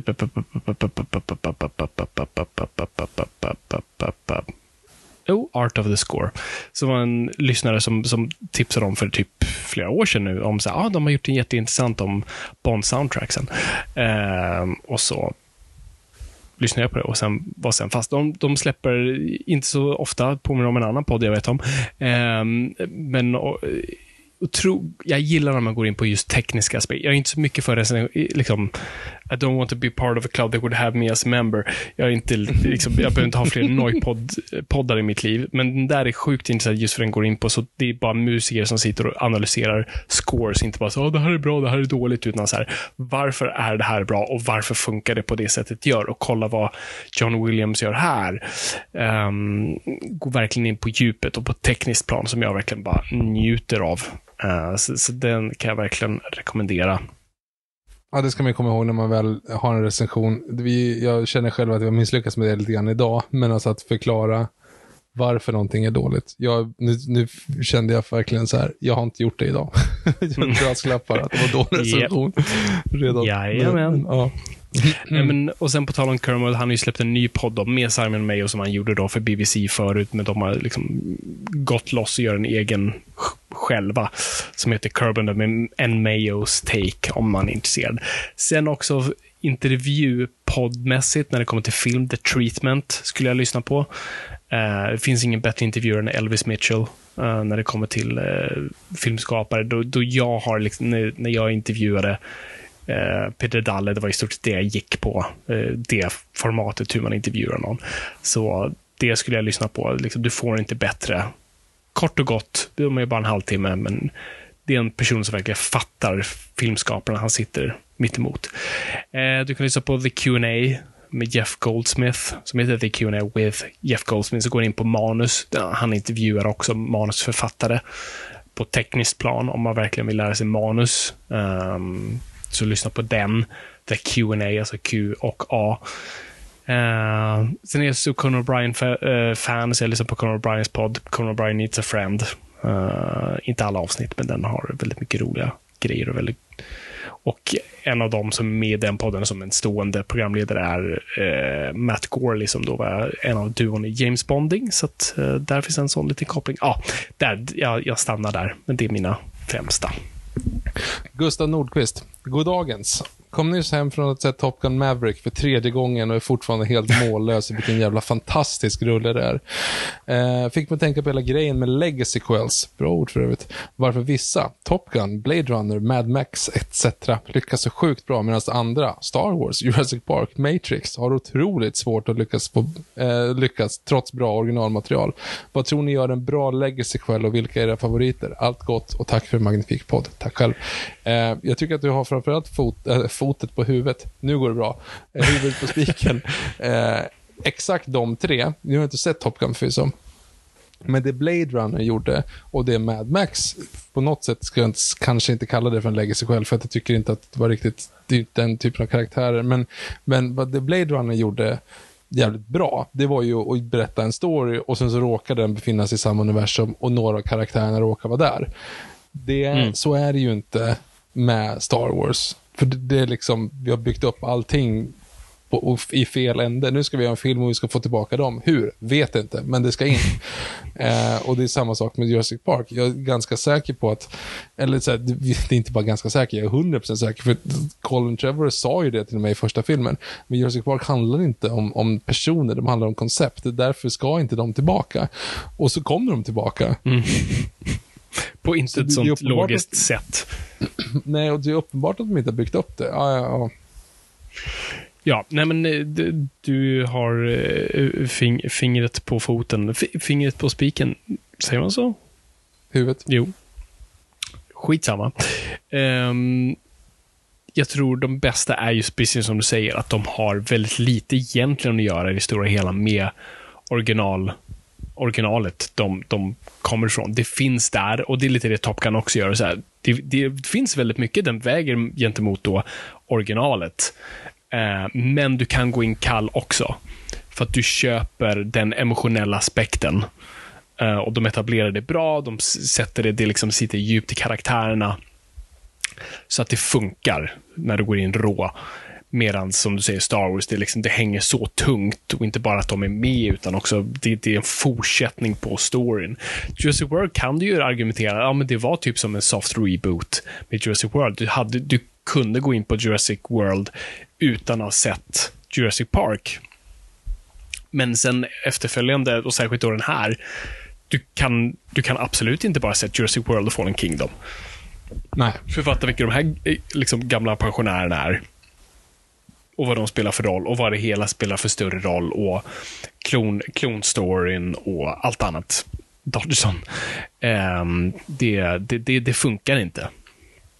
Och det mm. Top Gun just gör är bara, det är en bra jävla simpel story som funkar. Du kan gå in bara, så, nu går jag och ser en film och det funkar. Har du sett originalet skitbra, det ger dig lite extra krydda. Men annars är det lugnt. Och sen ska man också säga, alltså, nu är inte det riktigt samma grej, men, men eh, det Spiderman Homecoming gjorde, eh, nej, inte Far Away from Home, from Home, Home Sick, Home Alone, eh, Vilse i New York. Eh, det, det Tobey Maguire och eh, Andrew Garfield, Spiderman-grejen gjorde, var ju att att fylla en storyfunktion och det hade kunnat vara vilka som helst. Men istället så gör man det med dem. Mm. Och det, det, är ju ett väldigt snyggt sätt. Däremot så skulle man inte kunna riktigt säga att det är en legacy, för det är ju någonting annat. liksom. Um, ja, jag gillade dock den. Jag vet inte om det klassas som en legacy, men den, den tyckte jo, jag om lite. i alla fall. Det är ändå lite, det är lite samma grej. Alltså, man ska ju verkligen komma ihåg att Tobey Maguire-filmerna är 20 år gamla. Alltså, om det var, jag skulle nog tippa på att det är en en stor del av publiken som inte såg de senaste Spiderman som inte har sett Tobey Maguire och kanske inte då har sett Garfield-filmerna heller.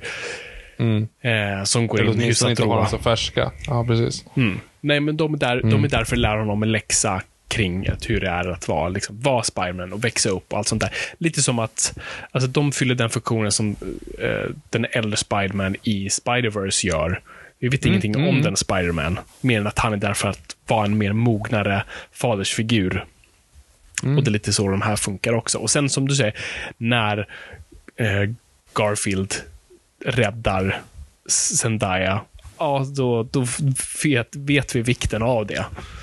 Fast du behöver, jo vet, men, men vi vet vikten, men vi har också precis lärt oss vikten. För han säger ju att han, Absolut, att han förlorade en som han, alltså, så, så Det är sant, filmen men den känner ju mer också. för någon som har sett de filmerna. Det, men det ger oss också, du, du kan se filmen och hänga med i storyn utan att behöva liksom ha tio år av gamla filmer som du kommer behöva komma ihåg. Liksom. Ja. Ehm, och sen är ingenting, egentligen inget fel med det, men det är bara att det är ett annat stilval. Mm. Nej, fan vad jag gillade det fortfarande. Jag kommer, jag kommer vara helt liksom, om, om 15 år och man ser om dem där, kommer jag vara så här, men herregud vad lättsålda vi var. Men där och då, fan vad rätt. Ja. Och jag är så ledsen att jag, inte, att jag råkade veta om det typ med en dags marginal innan att de skulle vara med. Fan. Och det är därför jag satt helt fel nu och satt och hoppades på... Eh, ja. ja, det är bra. Det är synd. Uh, Emil med 25, har ni ångrat er än angående Batman? Alltså jag har inte ångrat mig för jag tyckte att den var rätt bra. Nej, jag har inte ångrat. Jag, jag har snarare blivit argare. Varje gång jag tänker på den blir jag lite surare. Och jag har inte kollat den än på HBO Max. Inte av ett, inte i demonstration, utan bara ingen lust. Mm. Ingen lust alls. Sorry. Mm. Mm. Emil med 25, igen. Eh, Fabian, du som manusförfattare, hur gör man exposition rätt? Tänkte spontant på just på Jurassic World Dominion och hur den bara bombar publiken med exposition i varannan scen. Ja, det, den är väldigt dåligt skriven på det sättet alltså. Satan vad tråkigt. Ja, nej, men jag skulle säga att då skulle du titta på första Jurassic Park. För när exposition görs, bortsett från Mr. DNA-scenen, uh, eh, den är inte så lång. När karaktärer kör exposition i den filmen, när de har diskussionen kring middagsbordet, så säger det också någonting om karaktärerna. Du lär dig någonting vad Malcolms ställningstagande kring världen och det här är. Och du förstår hur det sätter sig emot Hammond och hur Grant ser på det. Det är liksom hela tiden säger, det är den här key-regeln inom manus. Varje sak som händer och sägs måste antingen driva storyn framåt eller säga någonting om karaktärerna. Och det är det du gör i exposition. Du måste samtidigt säga någonting. Och när du bara har Så talking då- head som säger att vi måste gå dit och göra det här och d- därför. Det är då du bara zonar ut. Och det är då jag skulle vilja veta vad Pyroraptor-scenen säger om karaktärerna. Att de båda är soldater. Vad säger Dimetrodon-scenen om karaktären? Jag minns inte. Ingenting. Ja, det är tråkigt. Ehm, nej, men jag tycker det, det tycker jag är ett jättebra exempel. Just hur, hur ehm, alltså om man nu, nu är jag ju lite skadad för att lyssna för mycket på dig, men den där grejen att vad säger om karaktär, alltså säger något om karaktären och drar storyn framåt. Det är så många, framförallt moderna filmer, som inte har aning om hur man gör det där. Nej. Där vi liksom stannar upp och slåss. Vi stannar upp och gör någonting och sen så går vi vidare. Vi stannar, alltså så här, så Mm. bits and pieces så hade du kunnat fimpa, du kan klippa hela den scenen och inte påverkat någonting av storyn överhuvudtaget. Liksom. Jajamän. Ehm, läs eh, Matrix Revolutions, eller Matrix Reloaded till exempel. Ja. Eh, Emil med 25 fortsätter. Viktor, du som förälder, hur mycket tid har man över till film och tv-serietittande? Noll. ja, om du inte vill titta på eh, Babblarnas eh, Stomp Along-sång så... Nej, men det, du får försöka styra det lite grann. Ju äldre de blir, desto enklare blir det. Göta kanal eh, rullar på ganska bra. Toy Story gillar han ju. Så att, eh, Toy Story har jag sett massa gånger. Och Disneys Cars. Jag måste bara lägga in en liten snabb redeeming feature, eller redeem, eller ett förlåt mig till Pixars Cars. Jag vet att jag sågade den, sågade tvåan ganska hårt i vår Pixar-avsnitt. Eh, det är en ganska bra trilogi bilar. Eh, alltså, de gör någonting som den här trilogin inte klarade av för fem öre. Skulle du säga att det är en Den- lika bra trilogi som Toy Story? Nej, nej, nej, nej det är den inte. Men den är ju, den är fortfarande väldigt bra, skulle jag ändå säga. Som trilogi sett är den bra.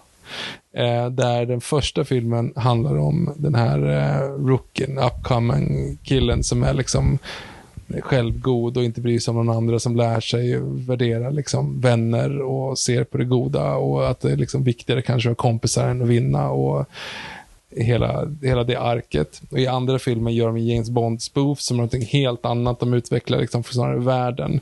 Alltså, I know you can do dinosaurs, what can you do with dinosaurs?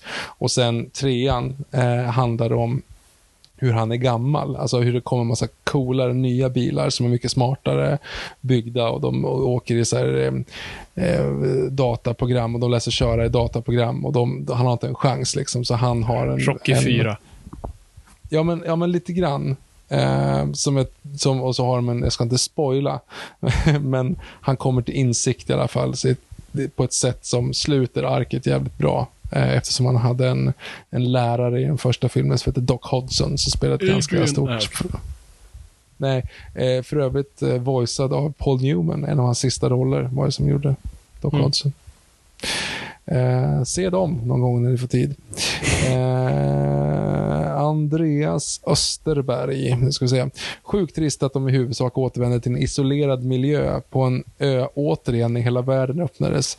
Hade Correct. tillfört energi i filmen de här T-Rex-stormningen. Uh, hade tillfört energi i filmen de här T-Rex-stormningen på en utomhusbio. Men det lär väl inkluderas en utannonserad extended edition på hemreleasen. Ja, faktiskt. Um, det, det, blir, och det, det, är också en sån sak som, som jag kanske inte fick ut i, min, i mitt svammel här senast. Först, eller andra filmen slutade så här, oh shit, vi har dinosaurier i hela världen. Hur slutar den här? Oh shit, vi har dinosaurier i hela världen. Typ samma sak. We have to learn to coexist. Yeah. Ja, det hände ju ingenting. Vi är på exakt nej, samma punkt som förra gången. Och vilket är också den minst Crichton-eska punkten man kan dra. Alltså, Crichtons hela tes är att absolut inte kunna leva tillsammans. No, no chance in hell. Alltså en av Crichtons favoritstories att dra föreläsningar och sådär man kan hitta på YouTube är handlar om Yellowstone. Och det är lite tillbaka till Simpsons-avsnittet. När de skulle göra Yellowstone till en nationalpark och började trixa i ekosystemet. Man tog bort, liksom, ja, vad det nu var, ja, men vi tycker att det är lite för mycket Um, det är fan för mycket älgar här som äter upp det vegetabiliska. Det är ju inte så himla kul. Det var fina träd här. Ja, men vi släpper in lite vargar och så åt vargen upp älgarna och sen så blev det ett problem för då åt ingen upp vegetabilierna och då gick bävrarna loss och det fuckade upp floderna för fiskarna och sen det, ja, du vet, det bara eskalerar och man bara kastar in saker hela tiden för att sen kasta in björnar. Skitsamma, vi ser vad som händer. Och det gick liksom åt helvete. Och, och Yellowstone har fortfarande problem. Liksom. Det är fortfarande ett så här ekosystem de fortfarande jobbar med. Uh, och det är en grej som Crichton hela tiden pratar om i, i många aspekter av hans böcker. Alltså, du kan inte fiffla med de här systemen, även om du, din intention är att göra gott. Um, det, är liksom, det är ingen idé. Uh, let, let, nature have its way. Och uh, så han hade varit för och teserna är ju för att, som han gör i slutet på Jurassic Park-boken, bara napalma hela jävla Isla Nublar. det är enda vägen att gå. mm. Ja. ja. men jag menar med så att det, det, det gjorde ingenting för den stora storyn, det här. Nej. Den här filmen betydde ingenting. Vi är tillbaka på exakt samma punkt som yep. var innan. Korrekt. Eh, och jag håller med om att det helt plötsligt nu blir liksom en isolerad miljö igen. Alltså det är liksom... Det, ja, det är ju... Hur, oh. Vi är tillbaka liksom i, i en park, typ, fast en park där de går fria och istället har elstängsel så har de chip, vilket också var en jävla konstig detalj varför de nu skulle ha, ja, skitsamma. Ja, och du har ingen förståelse för miljön, terrängen, vart de är, hur det funkar, vad är reglerna? Ja, det känns ja. bara helt bananas. Tankar om Lo Dolph Lundgren, frågar eh, Axel Berntsson här. Bästa filmer. Um, Living Daylights. Nej, inte nej, Living Daylights, förlåt. Jag menar View to Kill. Sorry. View to Kill är ni med View to Kill, ja men Rocky 4. Jag gillade inte Expendables, det är en jävla missed opportunity. Nej. Masters of Universe har jag inte sett. Han är ju inte som bra, av alla de här liksom, muskelknutsskådespelarna, han är ju inte en av de bättre. Absolut inte den sämsta. Men limiterade range. Men, ja, när man gillar honom som person, om man har sett liksom intervjuer med honom och sånt, så man gillar ju verkligen honom som person. Han, han ja. ska ju vara jävligt smart också. Alltså, han har ju en massa ja, PhDs och grejer. Liksom. Ja, ja. Eh, så att man ska, man ska kan ja, ja, men jag kan inte säga på något sätt så här, ja, men just i den filmen, där är han bra. Nej, det kan, inte, det kan jag kanske inte. Jag bara väntar som... på, på stunden när han kommer krävandes tillbaka till Sverige som alla andra avdankade gör, svenska skådespelare. gör en, en musikal med Thomas Ledin-låtar. Ja. Ser vi fram emot. Hon har gett upp Hollywood helt nu va? Hon gör väl någon ny grej med Edvard Dövslen nu? Ja, exakt. Eh, David Helenius. Någon, no, no, ja, Racingfilm. någon racingfilm.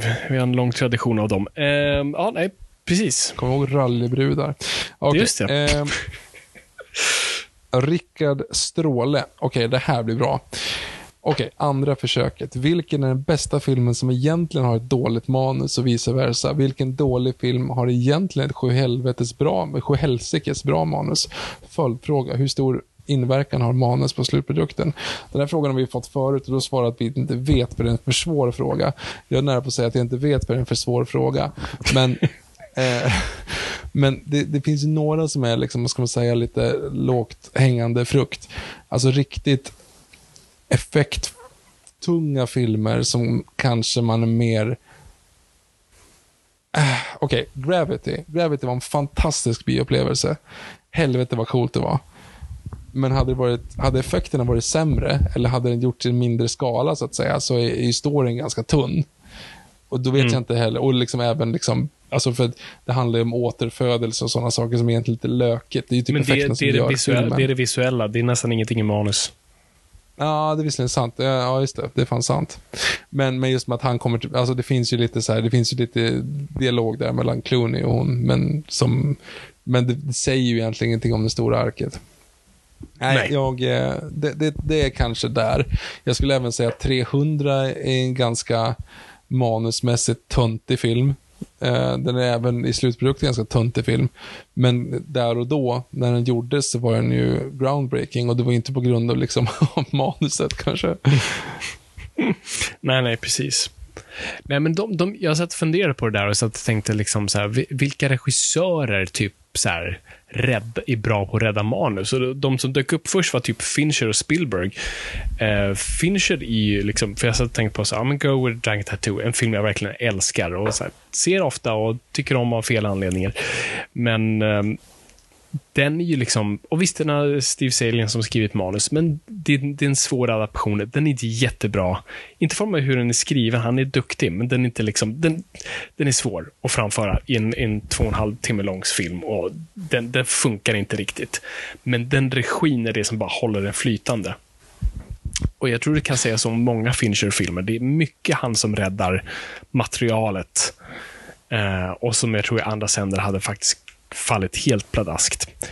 Eh, och sen eh, slog det mig, typ så här, Saving Private Ryan, manusmässigt, Ja, ja jag fattar. inte jättetajt. Mm. Den har alltså den prickar boxarna på alla krigsfilmklyschor du kan tänka dig. Men på grund av regin, delvis för liksom inledningsscenen såklart, men många av de andra grejerna och lite skåd, alltså som jag tror vi pratar om när vi pratar om den filmen. Du läser i manuset liksom huvudkaraktären säger, eller Tom Hanks säger till Matt Damon, earn this. I mitt huvud Mm. så ser jag någon som säger earn this. Men Mm. hur Tom Hanks levererar den repliken med liksom earn this. Fast samtidigt han ligger och förbereder. Mm. Jag, kan inte replikera det. Det är en jätteväl regisserad och agerad scen som hade kunnat falla pladaskt. Mm. Och jag tror alla, all kritik man kan rikta åt den här filmen är just kanske lite manusmässigt. Att så här, ja, det är coolt med inledningsscenen och sen händer ingenting mer. Och den är rätt klyschig. Och eh, det stämmer. Ja, men alltså, där är regin som men- håller hela den filmen vid liv. Ja, det håller jag. Det, det fan, det är sant. Och jag skulle även kunna möjligtvis eh, lägga in, hade jag läst, nu det kanske jag är också en, en, en dålig part i det här målet, men hade jag läst Dunkirk, då hade jag bara så här, gör inte det här. Det behövs, det är liksom, den här filmen behövs inte.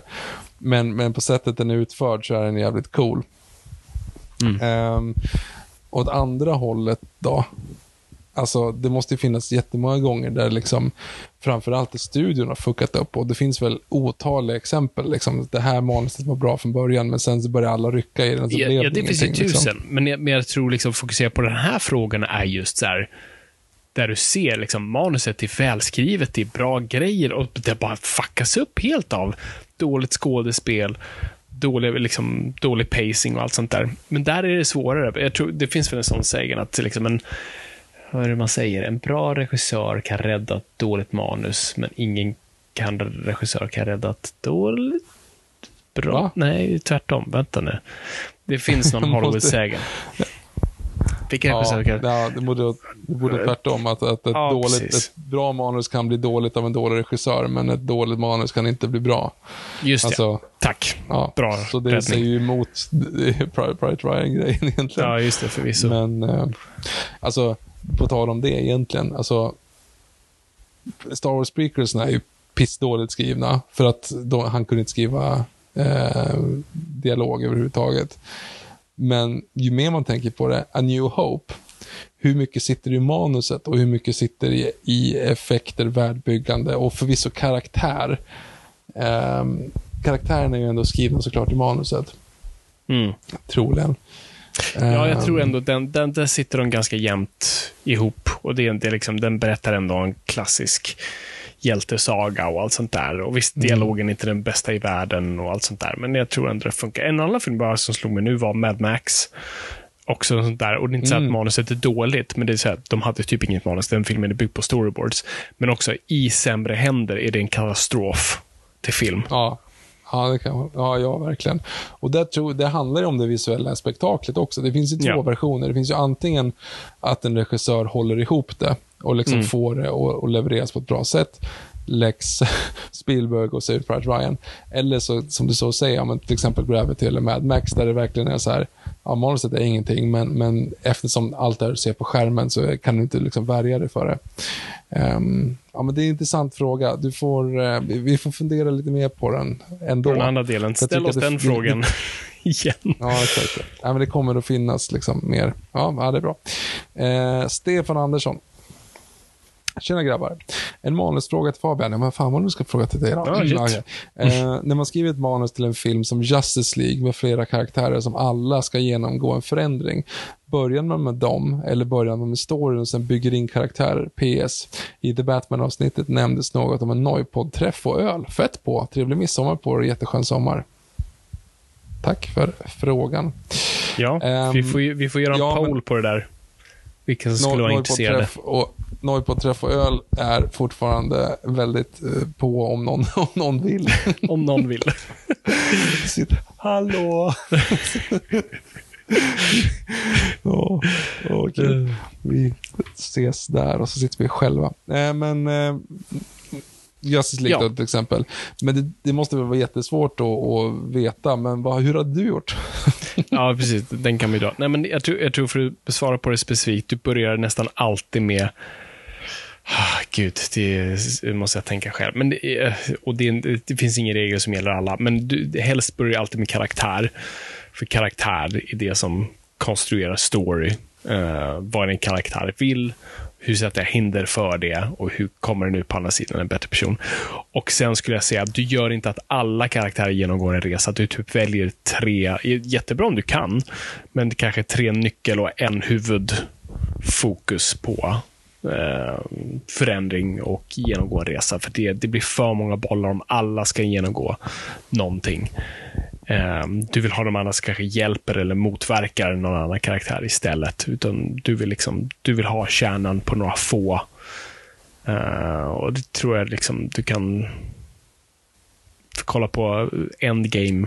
Där har inte alla en redemptive arc på ett sätt, utan du lägger det typ på Iron Man, Thor och Captain America. Det är, liksom, det är de tre som har en, den stora arken. Visst, sen har lite, några få där i hörnan och vissa gör Black, kanske Black ingenting alls. Ja, men det är ingen Black redemptive arc. Hon bara tar ett beslut. Ah, kanske inte.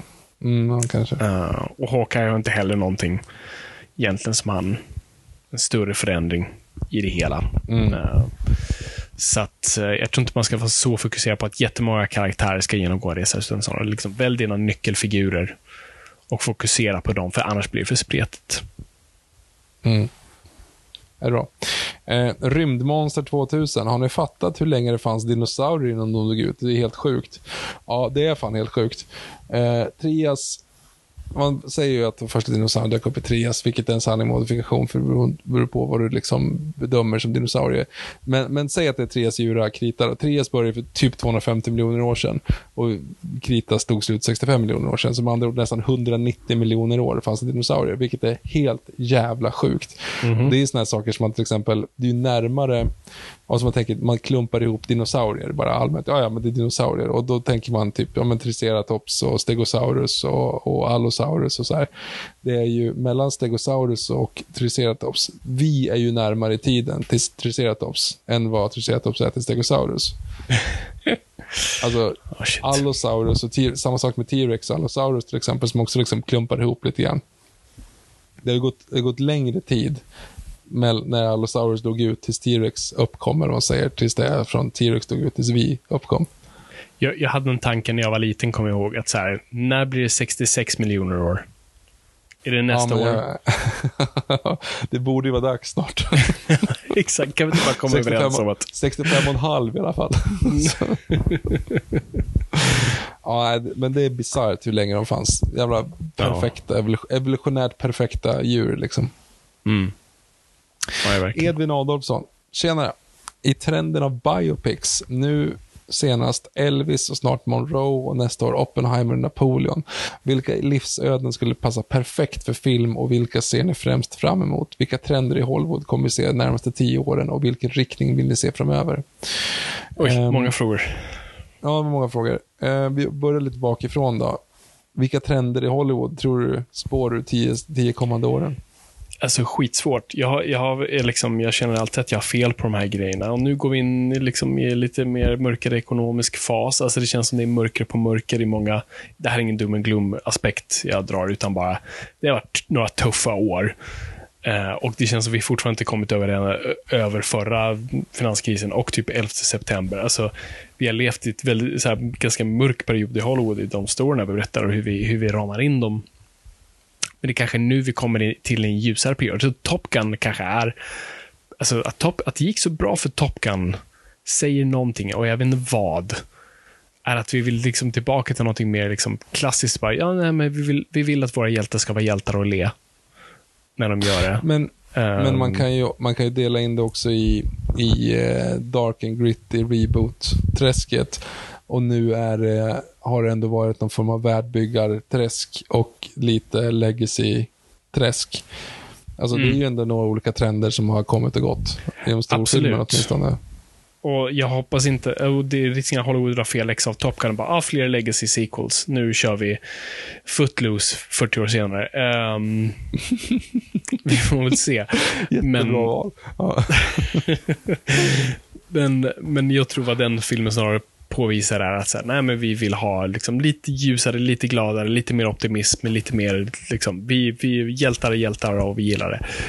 Eh, men sen samtidigt, liksom, streaming är fortfarande där. Eh, vi ser ju en liten konstig nedgång där också, både i kvalitet men också hur världen reagerar nu med Netflix och deras eh, kvartalsrapporter som ser dystra ut.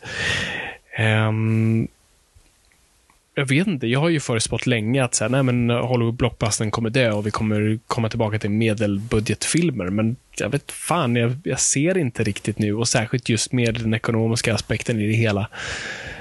Eh, och särskilt, och jag har liksom vänner inom filmbranschen som verkligen bara så här, nu ser det, alltså, och nu pratar vi på ett svenskt plan, så här, nu, nu vill de inte ha svenskt alls. Alltså det var illa för svensk film förut, men nu är det verkligen så här, det, biograferna har inte hämtat sig tillräckligt än. Och vi tänker att ja, men vi är tillbaka i biograferna, vi ser filmer nu, det ser fullt ut. Och det är ju delvis, men alltså, det gick illa för de små filmerna innan och nu går det jättedåligt för de små filmerna.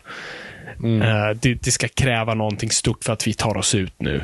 Det krävs en Top Gun, att folk pratar bra om det. Det krävs Jurassic Park, eller någonting liksom, som vi har ett emotionell koppling till.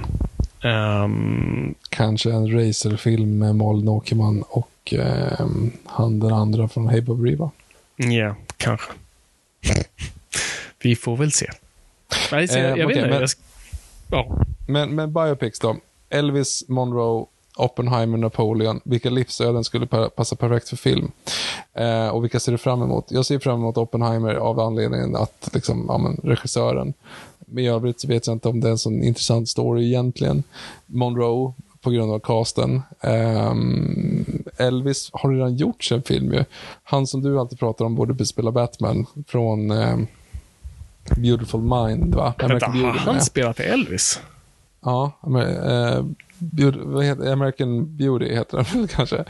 Ehm, Yes. Vad- vad heter han? eh, Ja, men... Oh. Poddminne. F- har ju pratat om honom ofta som Batman. Men han, du Jag blandar inte ihop honom med... jo, för, nej, jag blandar Jo. ihop honom. Jag blandar Ja. ihop med, med Matchpoint. Matchpoint. Förlåt. Ja. Matchpoint, för fan. Eh, det är ju nästan samma person. Eh, fuck, just det, det är han ja. Ja, men har du sett den då? Där gjorde mer en Elvis. Elvis? Ja.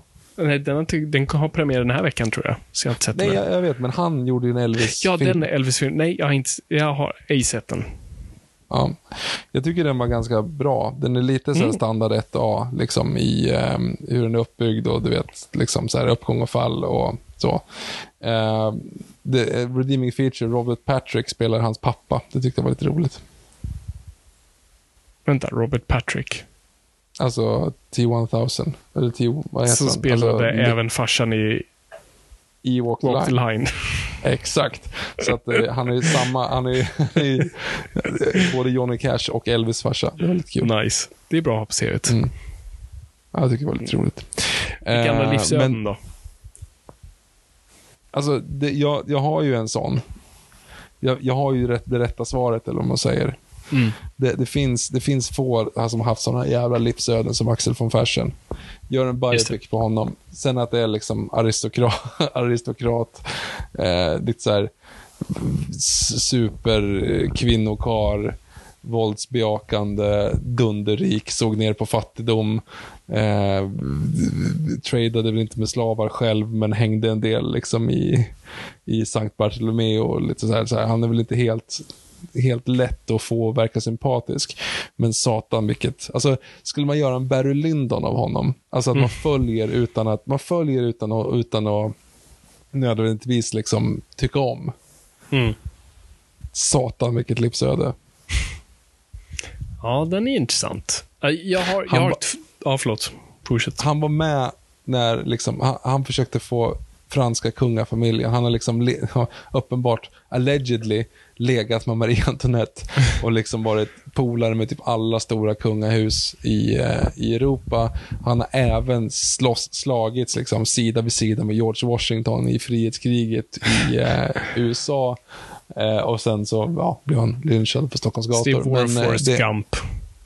Ja, men det, det, är, det är fan en 1700-talets Forrest Gump. Alltså. Så Han var ju fan överallt. Det är en bra Det hisspitch. finns, en, det finns en story där. Ja. Ja, jag har två. Och det är två pitchar jag har som jag har cirkulerat förut. Så jag kommer inte förtälla dem här. För det är Nej, just det. too good. Och du, du nu som kommer göra en biopic på Axel von Fersen, du kommer får, får Cease and repay- desist. Ja, du, nej, men du får, du vet vart, du kom, vart idén kom nu, så du får väl betala tillbaka med att ge, ge Nörden och jag en cameo som två soldater i, Som har i podcast. franska armén som har en podcast. Sitter i skyttegravarna där. Ja, smyger in, fanns inga skyttegravar på 1700-talet. Eh, som smyger in någon form av, eller jo det fanns det visst, men inte så sent på, som de hade. Det fanns tidigare på 1700-talet. I värn fanns det, men inte i stora slag. Skitsamma. Eh, smyg in att de där två soldaterna säger ingenting är för nördigt, så ja, då är det okej. Ja, Då får allt förlåtet. Ja. Yes. Eh, Anton Skoglar, halli hallå. Kul. Eh, jag undrar vilken Viktors favorit comic book är. Vågar du säga något annat än Batman? Och vad har ni för tips på comic books, comics förutom Batman? Har konsumerat en del Batman på sistone och vill gärna ha tips på andra hjältar och som man kan läsa i så fall. PS. Har Fabian lärt sig säga Sverige älgen i helgen? Tack för bästa podd. Fabian, Sverige älgen i helgen. Ja, nu är det ännu värre. Svälj älg... Svälj älgen... Nej, helgen? Oh. Nej. Älgen. Sverige älgen i helgen. Du ska slå, Älgen. slå tungan, gnid Ja. tungan i, i gommen. Sverige älg. Svälj älg. Alltså... Svär, svälj, svälj.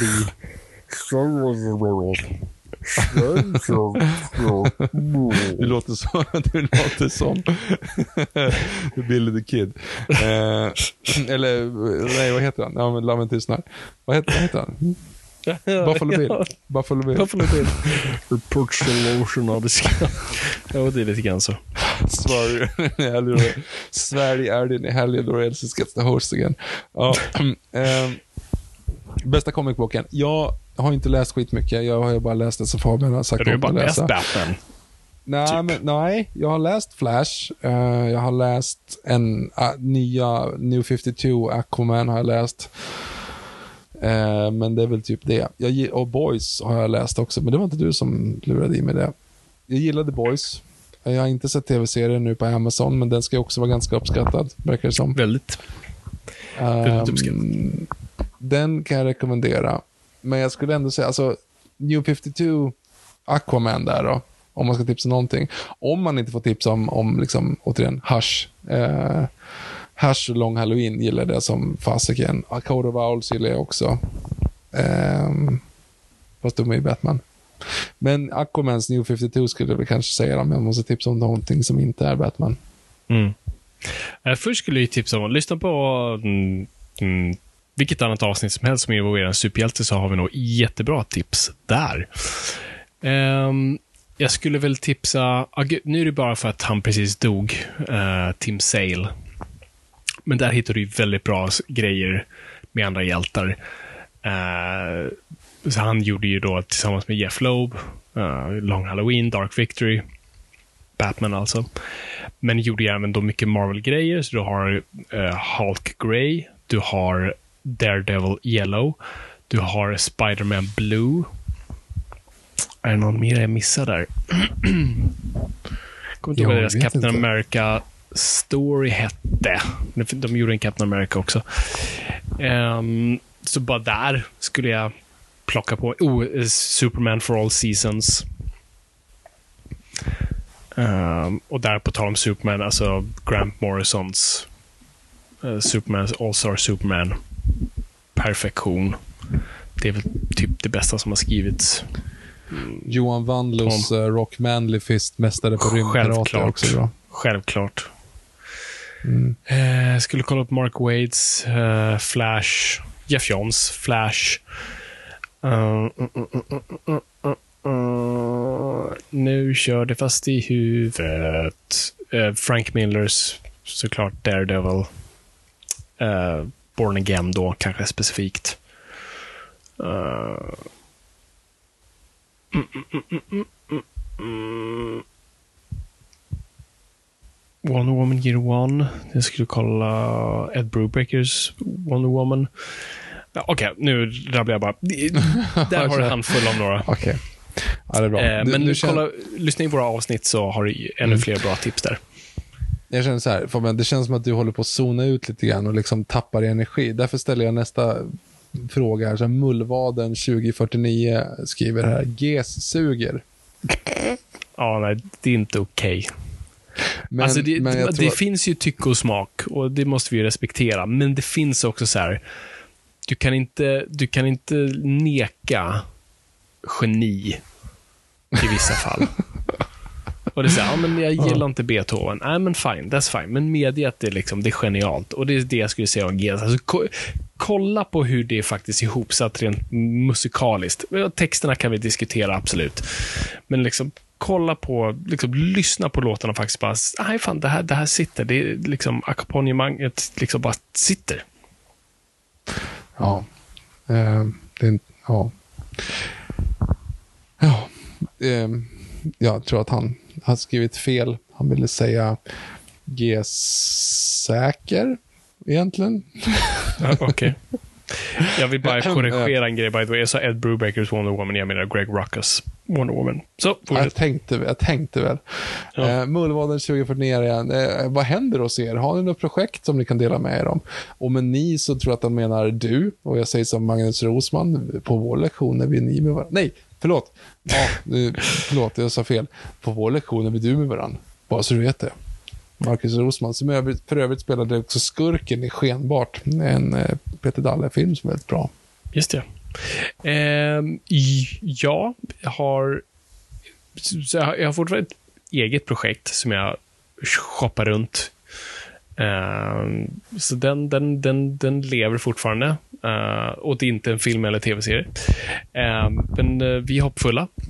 Eh, och sen har jag då en grej som jag gör. Jag kan säga att jag gör det med SF igen. Så, så långt kan jag säga. Så jag gör en grej för SF Studios som är en tv-serie eh, för en yngre målgrupp ehm, som involverar animation. Eh, det är inget med Babs att göra. Och det är väl allt jag kan säga nu. Men det kommer bli väldigt kul. kommer bli väldigt bra. Eh, väldigt coola personer, tycker jag. Eh, inkopplade. Det kommer bli grymt. Det är det jag Det är kan bra. säga nu. Det kommer bli grymt. Det kommer bli Mhm. väldigt grymt. Mhm, Yes. mhm, mhm. Eh, jag är tillbaka till mina rötter. Det är min ledtråd. Eh, det- eh, Kul. Det är, ehm, det är fortfarande lite störigt att du inte har fått en IMDB-credit för den andra grejen. Ja, jag vet. I'm sorry. Jag tycker det är fel. Vad händer hos mig? Ingenting. Eh, jag ska vara föräldraledig hela hösten. Det kan bli kul visserligen. Då ska vi se. Emil Yards. Eh, ska vi se. Han har skrivit så här. Eh, vad tycker ni om Obi-Wan-serien om ni har sett den? Ja, vi har sett den. Jag har ju sett alla. Du har inte sett alla avsnitt än. Inte sista. Mm. Jag tycker nästan att det här, jag ska inte säga att det är en helt egen, helt eget avsnitt, men man kan försöka tjohorna in ett ämne kring någon form av tv-seriefiering av, för att jag skulle vilja prata mer om Obi-Wan. Jag skulle behöva prata mer om Obi-Wan än vad jag kan Ja. göra här. För det, det är så här, jag är inte imponerad men samtidigt så är det liksom lite grann Mamma Mia-grejen som Kermode pratar om. Eh, musiken är för bra för att filmen ska kunna vara dålig. Liksom. Mamma Mia kan inte vara en dålig film för att ABBA- ABBA-musiken är för bra. Alltså, du ser ändå Ewan McGregor i liksom den här, trots att man in, trots att jag ingen är fan av, av prequels-trilogin, men så här, man, fan det är svårt att liksom, det är svårt att inte vara där. Sen är det sloppy writing deluxe, det är eh, fel väg att gå, skulle jag till och med kunna säga med hela serien.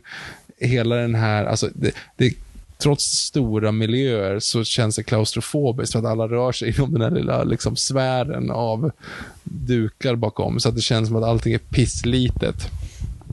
Eh, actionscenerna är i många fall direkt dåligt regisserade, men den, den har någon form av charm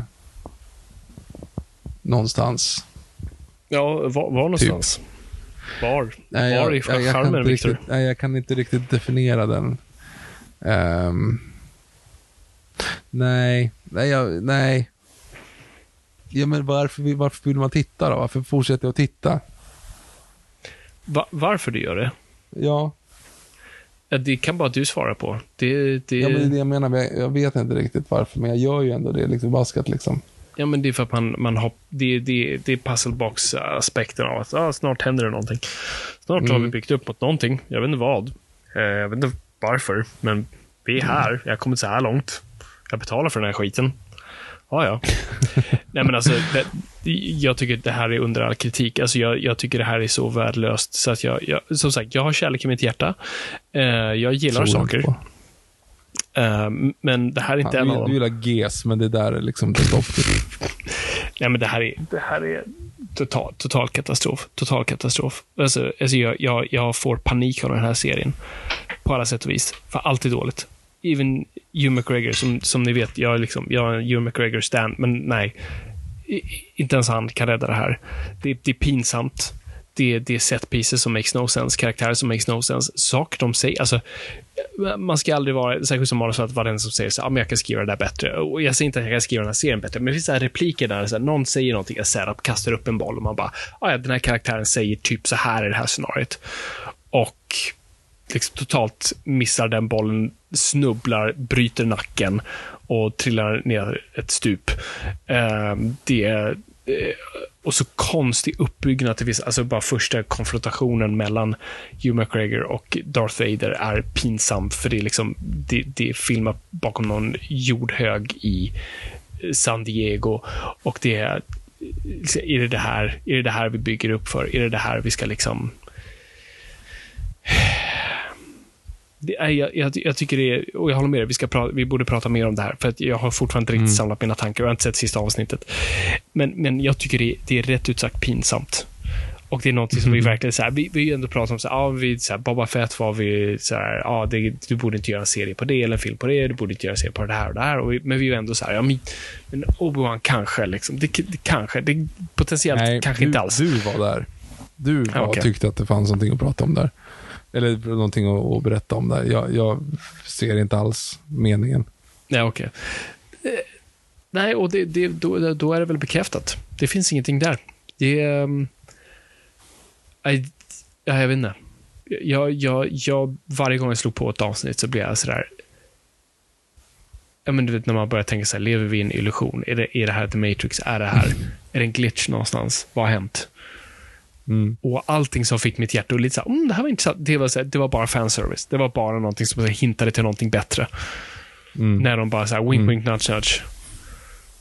Ever done it åh. with a lady. ja, eh, vi pratar om det mer än en annan gång. Lucas Haff. Cavill borta, Affleck borta, Fisher borta, Miller kan bara dra åt helvete, ursäkta språket. Den enda som är kvar i DCU, eller som fansen kallar det för, The Snyderverse. Ehm, de enda som är kvar av DCU, eller som fansen kallar den för, är, aha, aha, är The Snyderverse. Okej. Ehm, vad tycker ni Warner Brothers ska göra? Personligen, om jag hade fått bestämt över Warner Brothers slash DC så hade jag tryckt på reboot-knappen och startat om ett helt nytt filmuniversum. Och lagt om till Shazam, Black Adam och Robert Pattersons Batman i en reboot-film av universumet. Eller hur hade du gjort? Ni gjort? Förlåt. Fabian, pitcha din reboot av DC-filmuniversumet. eh, önskemålen, DVD-kommentarer om MCU-film. Ja, men eh, det kan vi försöka lösa kanske. Jag, tr- Undrar tror vi, vilken man skulle ha det. Jag tror vi bara måste gå tillbaka till 90-talet. Där man bara gjorde helt absurda ändringar, ignorerade canon utan att ens kommentera det. Alltså kolla på Batman-filmerna. De är typ samma tidslinje, fast absolut ändå inte. Och ingenting likadant. Kan vi inte bara, vi bara nu så här, vi behöver inte förklara, vi gör ingenting. Vi, jag var inne på förut att vi går Flashpoint-spåret, nu ger jag upp på det. Nu kör vi bara, absolut, vi kör Black Adam och eh, Shazam i samma universum. I det universumet existerar Henry Cavill och det är allt vi behöver. Och i och för sig Gal Gadot. Skit i Patterson, bryr mig inte. Ehm, och så kommenterar vi inte och de, de agerar i samma. Ja, Jason Momoa förvisso också. Ja, Och vi säger jag- inget annat. Men, ja exakt, för Jason Momoa, Gal Gadot och, vet du att Henry Cavill är borta? Är han borta? Inget officiellt. Okej. Han är Okej. fortfarande i game, tror jag. Men nu Mm. börjar ni hinta om Bond igen, men det kommer en fråga om det. Ehm, vi, vi, vi suger på den karamellen lite grann och funderar och snart pitchar vi en, en hur vi gör med hela DCEO och drar ett DC if you're listening, eh, it, it's coming later. Eh, Erik Odal, har ni sett Henry Cavills nya reklamfilm, eventuella Bond-vibbar? Det var det som jag antar att du menade. Ja, där har vi den. Ja, det, och det är såna här, nu, nu, spel, nu spelar du ett farligt spel, Cavill. Det vill säga, när du börjar själv hinta om det, det är då du oftast ryker ut ur the lineup. Så att, um, ja, nej, men för Cavill har lanserat något form av vatten, eller har sitt namn på ett företag som gör vatten. Um, och i den reklamfilmen, i Up My Alley, liksom. han, eh, han är på Savile Row och får någon kostym gjord och så går han ut ifrån den här skräddaren tittar ut och så står en DB5 där som han ler mot, men liksom, och han pratar samtidigt en voiceover om temptations och sånt där, hur man måste hålla en rutin och sånt där. Och så går han mot sin egna bil som är någon vanlig, även en Audi. Ehm, och så är det också att han sitter i en bar och någon skakar en drink åt honom och sånt där. Så att det är uppenbara Bond-winkningar. Det är lite så här, "Ah, nu går det lite för långt här. för vatten. yes. Ehm, så, ja, nej. Eh, jag gillar det. Jag gillar Cavill. Han är min favorit bland dem. Alltså jag tror ju fortfarande vi ska använda någon jag inte hört talas om. Men om vi går på kändisspåret, Cavill högst på min lista fortfarande. Mm. Eh, ja. Adam Sörman. Vankas det inflation inom filmindustrin? Då syftar jag inte på den ekonomiska biten utan snarare vad det är för typ av filmer som produceras. Dit, dit, Disney, eh, Disney är mitt upp Disney är i mitt tycke kanske den största boven som pumpar ut Marvel-filmer samt serier i en hiskelig takt. Även Star Wars IP lär vi inte få vila de kommande tio åren. Och då har jag inte ens nämnt alla remakes eller filmer som får en uppföljare 20-30 år senare. När kommer vi slash konsumenterna tröttna? Eller ligger problemet bara hos mig? En småbarnsförälder med alldeles lite tid. I feel you. Eh, tack återigen för Sveriges bästa podd inom populärkultur och ha en grym sommar. Tack själv. Oh, tack. Ha en grym sommar. Detsamma.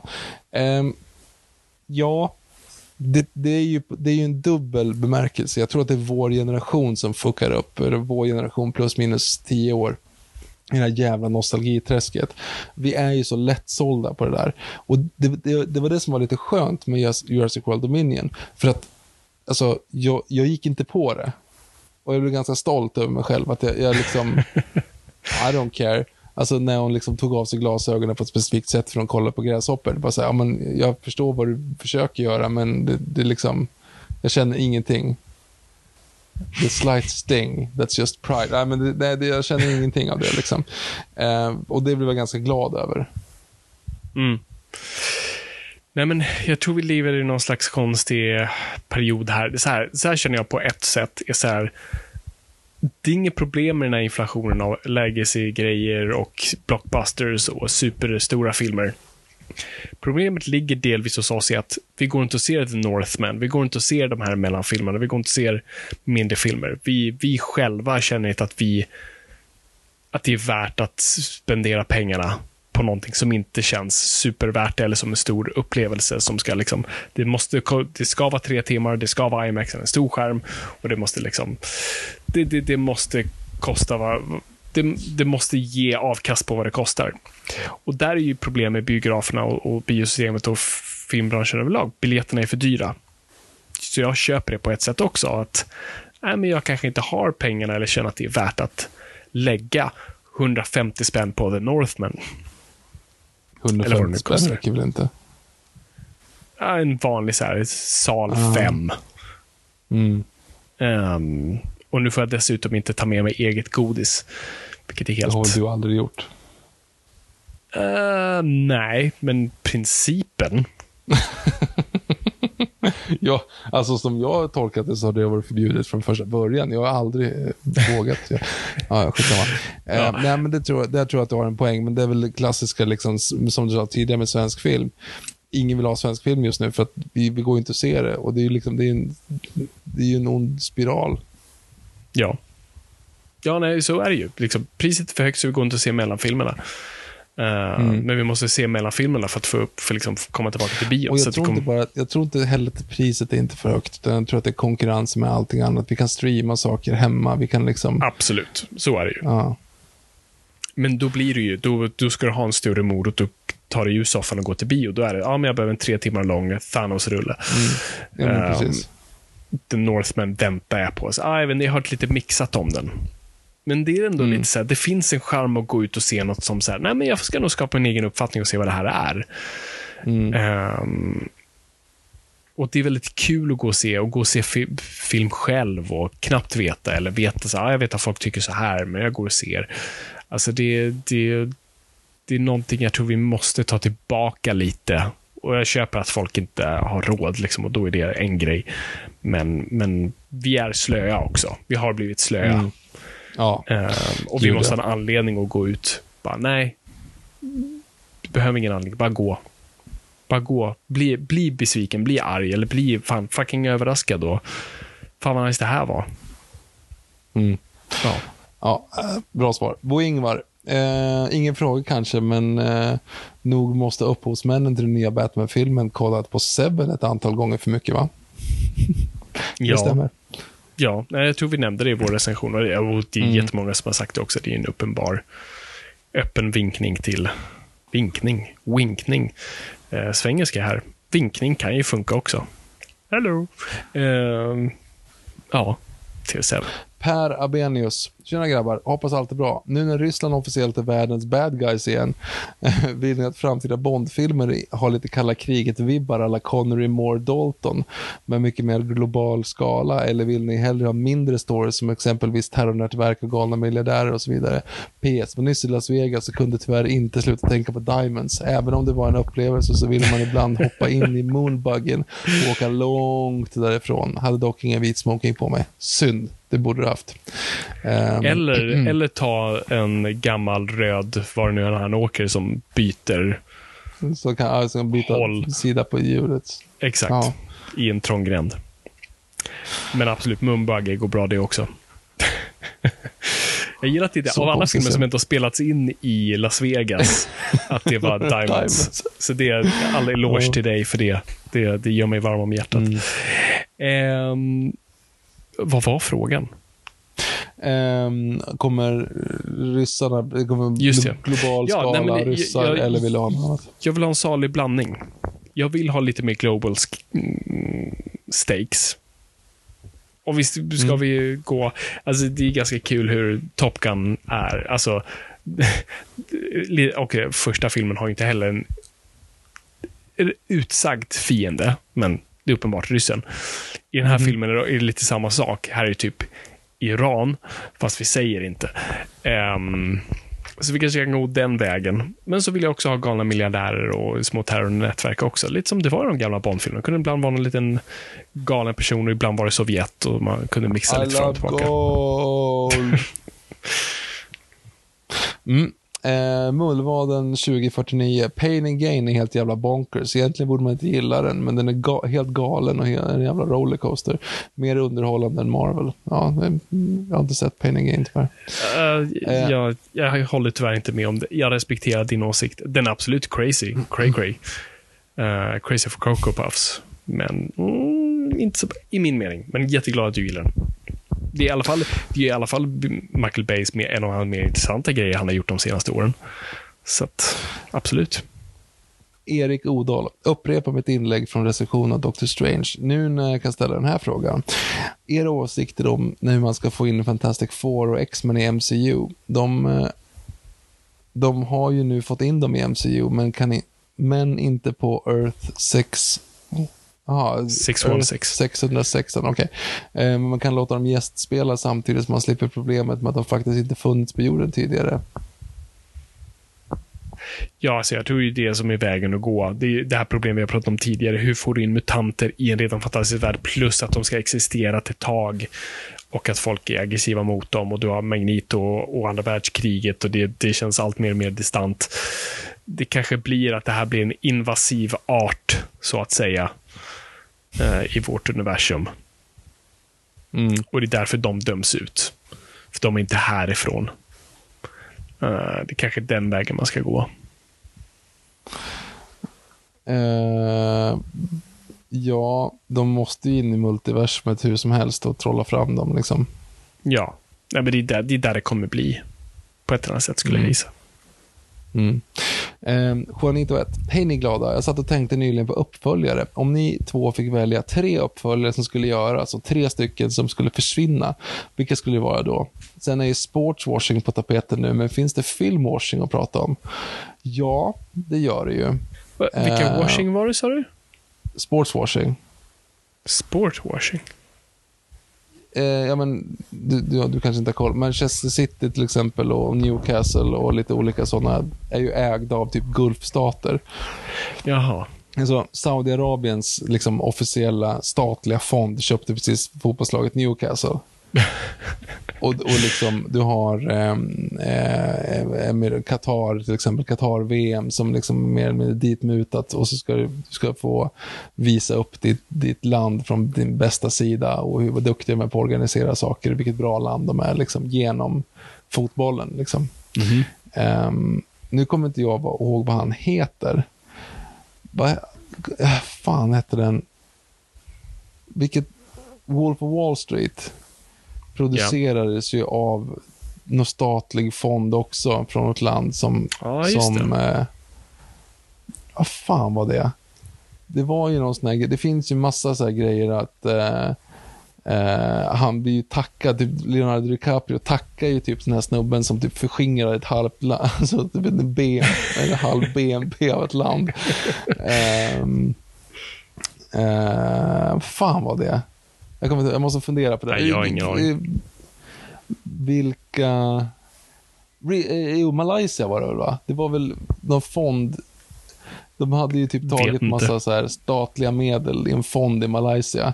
Och så hade de någon snubbe som jetset liv-snubbe som, som gick omkring och förvaltade den där fonden. Och bland annat så investerade han i Wolf Wall Street. Eh, Riz eller något sånt där. Riz, jag vill säga Riz Ahmed, men det är det absolut inte. nope. eh, nej, men jag kommer inte ihåg vad han heter. Men eh, Malaysias statliga fond i alla fall, som de förskingrade en massa pengar och investerade i bland annat Wall Street. Hur som helst. Eh, så det finns ju. Och det kommer ju såklart, alltså sportswash, eller filmwashing i en halv del i alla Michael Bay-filmer, typ mot USA. Att liksom Optimus Prime slåss i slow motion framför amerikanska flaggan. Liksom. Det är väl en del av filmwashing. Ja, och um, tackar kinesiska staten. Ja, just det. Det också. Det finns säkert mycket sånt skit. Uh, vi kan komma på fler exempel. Välj tre uppföljare som du vill skulle göras och tre som skulle försvinna. Vi kan inte um, bort de här Jurassic Park i alla fall. Även fast vi gillade Fallen Kingdom lite så, så kan vi, vi kan stryka dem. Jag gillade Fallen Kingdom fortfarande. Alltså, nej men, ja. Jag skulle hellre ha... Jag skulle hellre ha Jurassic Park 3 ogjord. För då slipper du tanken på att, att Ellie och Grant inte blev tillsammans. Just ja. Jo, nej den är... Den fuckar upp mer liksom. Absolut. Um, jag skulle inte vilja ha Less Jedi. För den fuckar upp Luke. Alltså, en, det är ju ganska lågt hängande frukter liksom. Men, men där tycker jag att det, det förstör inte bara det, utan förstör liksom karaktärer. Det förstör en gammal karaktär. Ja. Um, och det förstör, alltså, för Jurassic Park 3 förstör hela arket i första filmen. Och ja, som sagt, Les Jedi fuckar upp hela liksom, Lukes idéer. Mm. Um, det är svårare egentligen att se så här uppföljare som man hade velat se. För nu har ju typ alla bra filmer fått uppföljare. Och alla, alla platser där det finns och där, in, och där det inte finns för övrigt också. Eh, utrymme ja. för att berätta vidare historier så är det redan gjort. Alltså sen så har du så här, du har ju, inte för att man vill se det, men Eragon till exempel slutar ju med liksom, slutar ju med så här, haha, nu är en uppföljare. eh, Guldkompassen slutar också exakt likadant. Så här, nu mm -hmm. kommer en uppföljare. Och det händer inget. Yep. Eh, Hobbit-filmerna tycker inte jag förstör låren egentligen. De är bara inte så bra. Ja. Ja. Terminator. Det är Oh, Efter två. Fast vilken av dem? Ja, precis. Allihop. det är liksom... Ja, men efter um, tvåan. Mm, ja, faktiskt. Faktiskt. Uh, nej, som du säger, några som vi skulle vilja se. Jag vet inte. en som jag slog mig nu, men det kommer ju nu en uppföljare, fast slash prequel, på Mad Max Fury Road om Furiosa. Men en prequel på Furiosa. Och då är det så här, men då har mm. Charles Theron bara fortsatt den vägen. Uh, Nights Out får ju en uppföljare nu. Det, det, är också en sån grej. Det, annars hade jag kunnat säga den, för man den karaktär, man gillade att leva i det universumet liksom. Ja, nej, den, ja, gud ja, den, den välkomnar jag. Med mm. öppna armar. Trots att det är den regissören. Hade du velat ha en uppföljare på Go with Drag Tattoo i Fincher? Fincher-världen? Oh, ja men det hade jag nog kunnat vilja haft. För det, det finns ju, alltså courtroom-drama i Finchers ögon är nog ganska fräckt. Mm. Det hade kunnat vara intressant. Ja, men det, det, är en bra, det är faktiskt en bra. Jo, men Girl with Dragon 2 i Fincher-universumet och inte i Sven Gudnason-versionen. Och på tal om Fincher då, en uppföljare jag hade velat se hade varit hans World War, World War Z-uppföljare. Ja, just det. Just det. Det hade väl egentligen en Danny Boyle Bond-film också, men det går inte riktigt att säga för det, det, det ja. blir som det blir. Men sure, vi, vi sätter mm. reglerna. Den mm. duger. Ja, vi funderar lite mer på den. Det kommer säkert komma åt. Det var en kul fråga förut. Mm. Um, Erik Pasyrk har, eh, Pasik, har er åsikt om Fallen Kingdom ändrats? Minns att ni var väldigt positiva. Egentligen inte. Jag, jag tycker fortfarande att den var en mycket bättre sammansatt film. Ehm, och den har liksom bits and pieces som gör att den är så här, ja men nu är det här en hommage till gamla skräckfilmer. Det är liksom, den, den har en idé, den har en tanke, den, det, liksom, det finns en... Den känns mer Crichton igen, ja, det- den, eller den känns inte, jo det gör den, den känns mer Crichton Jo, trots Locust-grejen. Ehm, sen så tycker jag att det är liksom så här, hela exploderande ön, när man fokuserar på fel saker. Det är bara en McGuffin för att få bort dinosaurierna. Ja, Du ska ha en, liksom en klocka på varför de ska bort. exakt. Ja, jag, jag, gillade, jag gillar fortfarande Fallen Kingdom. Ja, nu har inte jag sett den sen vi såg den då. Uh, så att jag har ju verkligen bara det, minnet kvar från den. Men jag håller med dig. Jag, jag, kan, jag kan tänka mig att jag var, för, jag tror jag var så positivt överraskad av den. Och att den ändå höll sig väldigt liksom, trogen till Crichton på, på vissa sätt och på andra sätt inte. Uh, att det ändå, ja men jag var liksom sådär, shit, de gjorde någonting intressant. Och, så, och som du säger, lite influenser som kom lite utifrån som inte kändes liksom, vi bara riffar på Jurassic Park, här, vi riffar på riffet. Utan vi, vi, vi testar lite nya saker. Ehm, det gillar jag. Men jag, jag ser verkligen fram emot, då särskilt nu, att se den igen och så här, var det faktiskt någonting här? Eller var jag bara tacksam för det lilla jag fick? Mm. Mm. Ja, jag, jag minns den fortfarande. Jag har visserligen bara, jag kommer inte ihåg om jag sett om den, men jag minns den fortfarande som att liksom, jag gillade idéerna. Det är fortfarande lite så här cop-out att alltså, Hammond hade hela tiden en kompanjon. Bara, nej, det hade han inte. Ja, nej. Men let's go with it. Ja. så. ja. Um, och det här är kul också. Love Norrby. Äntligen. Trodde Fabian skulle vara tvär och bitter för evigt, men nu äntligen kan vi få glädjen tillbaka. Känns bra att få en Hollywoodfilm som faktiskt är bra klippt, har bra manus, nytänkande stories men lagom mycket flörter med förflutna. Ja, hate Ja, break it to you Love, men... ja, Kan jag ha känt av någon form av ironi där? Mm. Nej, det, det vet jag inte. Ja, vi, får, eh, vi får helt enkelt se eh, om vi får höra Fabian glad någon gång i framtiden. Kanske Mm. genom att höra Johannes TMs fråga, vad tycker du om Top Gun? Ja, alltså jag har ju verkligen eh, sjungit dess gospel här idag. Nej, men eh, diggar den så fan. Eh, och jag såg den verkligen efter jag hört, jag hade typ inte tänkt gå och se den. Och sen hörde jag så mycket bra saker om den, så bara, ah, fuck it, jag måste bara gå och se den nu. Och det var så bra som folk sa. För att som sagt, det är en film som vet exakt vad den gör och vad den vill. Eh, och levererar jätteeffektivt och snyggt och väl och bra. Och eh, jag bara satt och log. Och var så åh, det är en sån här film jag längtat efter. Åh, tack att jag fick det. Jag har inte sett den, men jag ska, måste göra det nu när alla pratar Ja. om den. Gjort. Han fortsätter där. När blir det Hitchcock-avsnittet? Just det. Eh, Det är på, det är på G, typ. Vi har börjat kolla, vi har börjat, re, vi har börjat researcha, men vi har inte kommit så mycket längre än så. Jag har sett några Hitchcock-filmer i alla fall, det är pos- positivt. Mm, det är bra. Eh, och när kommer ni släppa det mytomsnudd, mytomspunna avsnittet om det svenska filmåret? Jag tror att det var vid jul 18-19. Ni refererade till det avsnittet efter att det var alldeles för oklart, långt och babbligt. Men jag tror att många nojpoddare med mig eh, jag tror att jag har några mojpoddare med mig när jag säger att det är just det som är bäst med er. Era två timmar plus avsnitt med långa avstickare om statistkarriärer, resor i Thailand till exempel. Eller, och så vidare. Till exempel podcast Strikes Bad med mera. Release it. Ja, vi, mm, vi får se. Jag inte ens, nu vet jag inte ens om jag har kvar det. Eh, Nej, just det. Det ligger på någon ja. hemlig USB någonstans. Ja, det ligger på en USB någonstans. Ja. Men ja, jag hate to break it to you där också, men det är inte bra. Däremot så såklart att vi kan komma upp i, i kvalitet någon gång mer och, och göra mastodontfilms mads versioner av Noipod-avsnitt såklart. eh, och inte bara sånt här jävla skit när vi sitter och recenserar utan att kunna recensera. Ehm, det kommer. Det kommer. Det kommer. Eh, waiting for coffee. Eh, ja. eh, tack för en fantastisk podd. Eh, era Tack. rätt att podda avsnitt är förmodligen mina mest lyssnade någonsin. Ja, Mm. alla kategorier, album inräknat. Okej, ja, tack för den.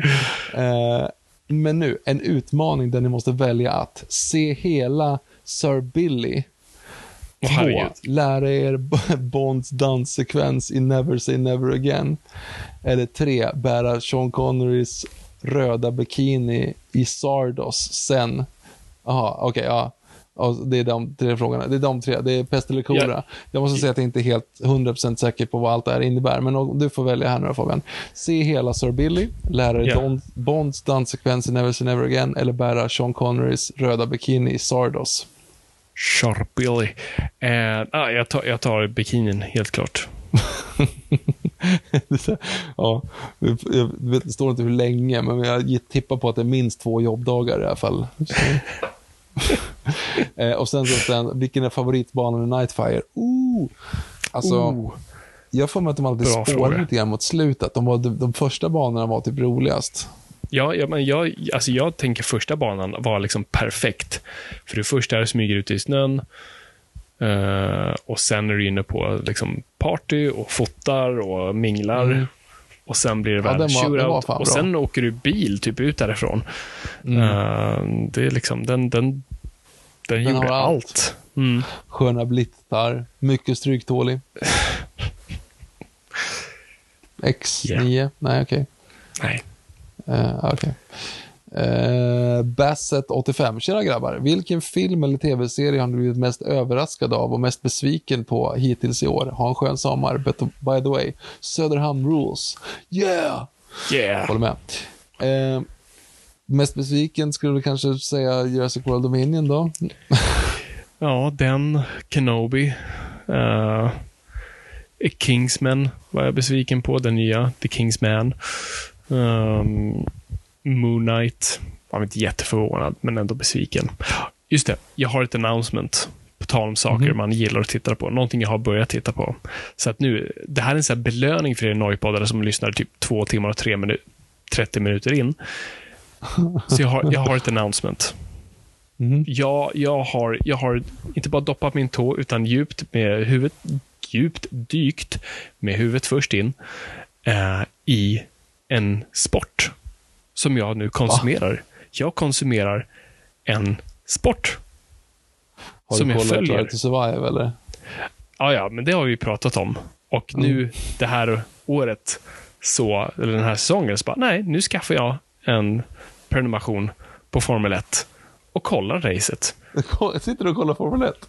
Yes, jag sitter och kollar vad Formel 1 shit. varje söndag. Eller de söndagarna det går. Eh, och tycker det är jättekul. Och det, det här är ett moment liksom. För att eh, Formel 1 var också någonting min far eh, kollade på när jag var liten, men aldrig inkluderade mig in. Eh, och eh, nu sitter jag och kollar på Formel 1. Ja, ah, vad kul. Ser, eh, vissa kan förändras. yeah, come to the dark side med Sidious röst liksom. Ja. Det är bra. Det är bra. Ja, det, är, det är nice. J kappa, J kappa. Har era kroppar återhämtat er efter nya Jurassic World Dominion? Jag har aldrig lämnat en Nej. bio, men nu var det fan nära. Filmen gjorde mig illamående. Nya Top Gun Maverick, eh, nya Top Gun var dock otrolig överraskning. Vad är skillnaden mellan den ena faller så platt och, i nostalgin medan den andra kändes så rätt? Ja, det har vi just Men- pratat om rätt mycket. Ja, men- jag tror det är just det. Den ena vet vad den är, den andra har ingen aning om vad den gör. Mm. Ja, det kanske är helt enkelt så.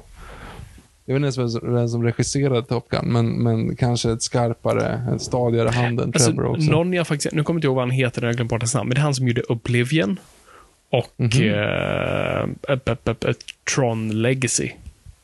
Jaha, ja, det var ju inga höjda rullar i övrigt. Så det... Nej, men shit, Jaha, han... ja, bra. eh, he redeemed himself. And you totally redeemed yourself. Det är kul. Eh, okej. Eh, Jurassic CC här. Suck. Ungefär så kände jag efter Dominion. Många eye-rolling moments. Eller älskade ni när Chris Prutt smällde igen Dilophosaurusens mun? Det fanns inga stakes så långt ögat kunde se. Men man kunde väl låta Rexen dö av sina skador och ålder efter det där antiklami- antiklimakteriet, nu går det bra, antiklimaktiska slutfighten i alla fall. Istället blir det bara urlöjligt och enormt cheesy. Det enda positiva var, positiva var de enorma gräshopporna. Hela storylinen eh, kändes väldigt Crichton-esk. Goldblum var ju Goldblum, så det så det fick väl en att dra på smilbanden lite grann. Dodson, vilket bortslösad chans. Bra skådesvar, Ja. men hemskt skriven. Alla animatronics ska inte vi prata om. Låt oss bara säga att alla som inte är Stan Winston borde hålla sig borta från det där. Minns ni någon Japp. slinga i soundtracket förutom den som var taget från Williams? Nej, Nope. trodde väl inte det. Sorry for the rant guys, men jag tror att jag, men jag tror att jag fick med någon fråga där i. Tack för en grym podd. Älg. Ja, men helt rätt. Det är liksom, det, vi, då- vi är helt på. Man, man, und, man, underhållen, man är lite underhållen av, av Goldblum och eh, det är en bra idé med gräshopporna, men allt annat är clusterfuck. Ja, nej, men jag tror, alltså, det säger ju också någonting. Jurassic CC, som ni hör på namnet, är ju liksom ett superfan. Och när inte ens de kan konverteras, då, då, är, vi ju, då är det ju illa ute. Så att det, det där talar ju om, om någonting. Vi har ju pratat om, om eh, det kontot tidigare. Bra, intressanta samlingar. Gå in och checka den översta kommentaren på våra eh, vårt frågeavsnitt. avsnitt. Vi har två frågor kvar, båda från Julia Bolin. Jag sparade lite grann medvetet för att det här tycker jag är den roligaste frågan att svara på. Men först, men först eh, så här. Till att börja med, tack för en bra podd och så vidare. Men även tack för hjälp och svar på frågor som jag ställt för att skrivit mitt examensarbete om grafiska romaner och serietidningar i svenskundervisningen på gymnasiet. Jag fick nyligen veta att mitt arbete är godkänt, vilket betyder att jag nu efter fem långa år av studier äntligen är gymnasielärare i svenska och biologi. Eh, jag ser fram emot att inkludera serier i, mitt i min undervisning och lära mina elever att ingenting är för nördigt. Nu till mina frågor. Eller först och främst, ja, grattis till examen. Ja, Stort Ehm, grattis så. Julia. Gud vad kul att höra och glad jag blir. Så att fan, skitkul. Stort grattis. Eh, nu till mina frågor. Om ni, an- om ni antingen fick gå med i Avengers eller Justice League, vilket hade ni då valt och varför? Ja, inte Justice League, för det verkar Nej. som att alla, det, det verkar gå väldigt dåligt för alla som är i Justice League. Om man kollar åtminstone i filmversionen av de här två så känns det som att det är ganska lätt val och hellre vara med i Avengers. Ja, nej, men jag tror Avengers tror jag är en liten stadigare grupp. De verkar ha en liten organisation runt det hela som, som, som verkar lite liksom mer solid och hälsosammare. Justice League är väldigt lös ihopsatt. Det verkar vara mycket ångest, mycket ja, väldigt oorganiserat och kaosigt. Eh, därav, jag tror de gör större stordåd, men nej, fan, jag, jag joinar nog Avengers faktiskt. Fånigaste Batman-skurken. Uh, Condiment King. Förlåt? Condiment King. Ja, det- senap på ketchup. Um, riktig skurk. Ehm, ja, det är väl typ det. det hade, Polka Dot Man var ju en sak, men jag kommer inte ihåg för att Polka Dot Man är, var en Batman-skurk specifikt. Ehm, Jag måste, ju jag måste ju säga att jag tycker liksom att Clayface inte passar in. Ja, fast det funkar ju väldigt bra i Batman The Animated Series. Vilket det slog mig nu, att jag Jo. måste hitta den actionfiguren och köpa. Ja, just det. Mm. För, och jag köpte ju nu också, kul för er som är kvar nu, jag köpte ju en replika på Jersey Park-klon, den som ni ser i, ni, ni ser i vår Instagram så ser ni bilder på den. Ehm, väldigt nöjd, väldigt glad. Bra. Den läskigaste Batman-skurken då? Läskigaste? Mm. Det beror på i vilken kontext, såklart. Men jag tror, alltså Jokern är liksom mest läbbig på ett sätt. Ehm, på ett rent existentiellt plan. Scarecrow kan ju vara rent visuellt. Alltså, han har en väldigt läbbig introduktion i Arkham Asylum. Som är väldigt effektiv. Um, Mad Hatter också i rätt kontext kan vara jävligt creepy. Arkham-spelen är fan creepy. Du skulle kunna lägga in ehm, eh, hela Court of Owls där. Det, det är lite så här läskigt med en konspiration som Mm. går högt upp. Ja, ehm, men det var inte egentligen de frågorna jag syftade på, utan här kommer de bästa frågorna. Då. Jag undrar dessutom om några fuck, marry, kill. Förlåt, kan inte låta bli. Just, okej, okej. Farväl. Val Kilmer, Robert Patterson, George Clooney. Marry one, fuck one, kill one. Go. Okej, jag gifter mig med Clooney. Miljardär nu. bor längs Lake Como. Det, den tar vi. Men du ska Eh, också, du ska också konkurrera då med, med typ en, hans fru som verkar vara jävligt imponerande. Kommer det gå? Liksom, Ja, ja, vad har du vi- som vi- får honom att, vi- vad har du som får honom att Det är skilja sig inte från det det här handlar om. Det utgår ifrån att det inte gick så bra där helt enkelt och han är, han är hungrig på kärleken och där finns jag. Så Okej. att, Ja. det är så jag ser. Och sen eh, tror jag vi, vi ehm, ja men Patterson känns ju ändå som att det, det kommer vara lite obehagligt men ändå väldigt intressant. Så, så vi, vi, vi, kör hårt där. Och sen tyvärr döda Kilmer. Nu är det väldigt tragiskt med allt som har hänt kring honom och jag det- sörjer det faktumet. Men han ska samtidigt också ha varit för jävlig att jobba med. Jag ser inte att det ena är att han förtjänar och det som har, inte alls, utan bara det kanske är en person jag inte skulle vilja tillbringa allt för mycket tid med. Om, om vi spicar upp det lite grann och säger Val Kilmers Batman, Rob Pattersons Batman, George Clooneys Batman. Mm, inte, oh, verkligen. Um, ja, men då, då dödar vi uppenbart Patterson. För vilket jävla våp. Alltså, det är bara total tragedi och tråkigt. Och så ligger vi med Clooney för att han är ändå liksom het och verkar vara liksom på potatisen. Eh, det är inget uttryck. Eh, och sen uh, Kilmer verkar ändå, han har ju lite emotionellt djup, lite liksom Ja, ja. reflekterande, vara intresserad av och, och, upp, uppoffringen han gör såklart och sånt där. Det är, en person. I'm Batman. Mm. Exakt, så det, det, det lägger jag mig Bra pladask för. Absolut. Mm. Ja, men jag Bra håller bil. med på alla... Chicks alla the car. Ja, men det säger George Clooney också. Eller nej, det säger um, uh, his maiden name, Robin, säger det. Eh, Yes. Men eh, this is why Superman walks alone. Eh, jag håller med dig på de där tror jag. Mm. Nu då, Catwoman, Harley Quinn, Poison Ivy. Vad sa du? Catwoman, Harley Quinn, Poison Ivy. Ja. Mm. Catwoman... Oj. Ja, men vi, alltså, tyvärr dödar... Och, ja, ja, men vi dödar Poison Ivy där för att det, det är för läbbigt. Det är för mycket liksom. Jag kommer bli förgiftad. Eh, jag, vill inte, jag vill inte leva med den oron. Liksom. Det, det, det, det, det, är liksom, det, är en, det är en könssjukdom i levande form. Det, liksom, det kan bara gå illa. Ehm, Men, men tänk också vad, vilket fint och grönt hem ni skulle få. Absolut. Så är Alltså, det ju. om, jag skulle, om jag skulle få någon, liksom så här, om jag på något sätt skulle försöka dela, dela hem och liksom jobba på inredning, Mm. så hade jag ju hellre bott med Poison Ivy än Harley Quinn, känns det som. Okej, men tänk dig det här scenariot. Du dammsuger och välter över en blomkruka. Ja, nu. Exakt. Nu. Nej, Leif! ja, det är sant. Nej. Ja, det- Så jag tror eftersom Catwoman precis nu har gift sig med Batman så känns hon ju ändå villig att, att, att ta det steget.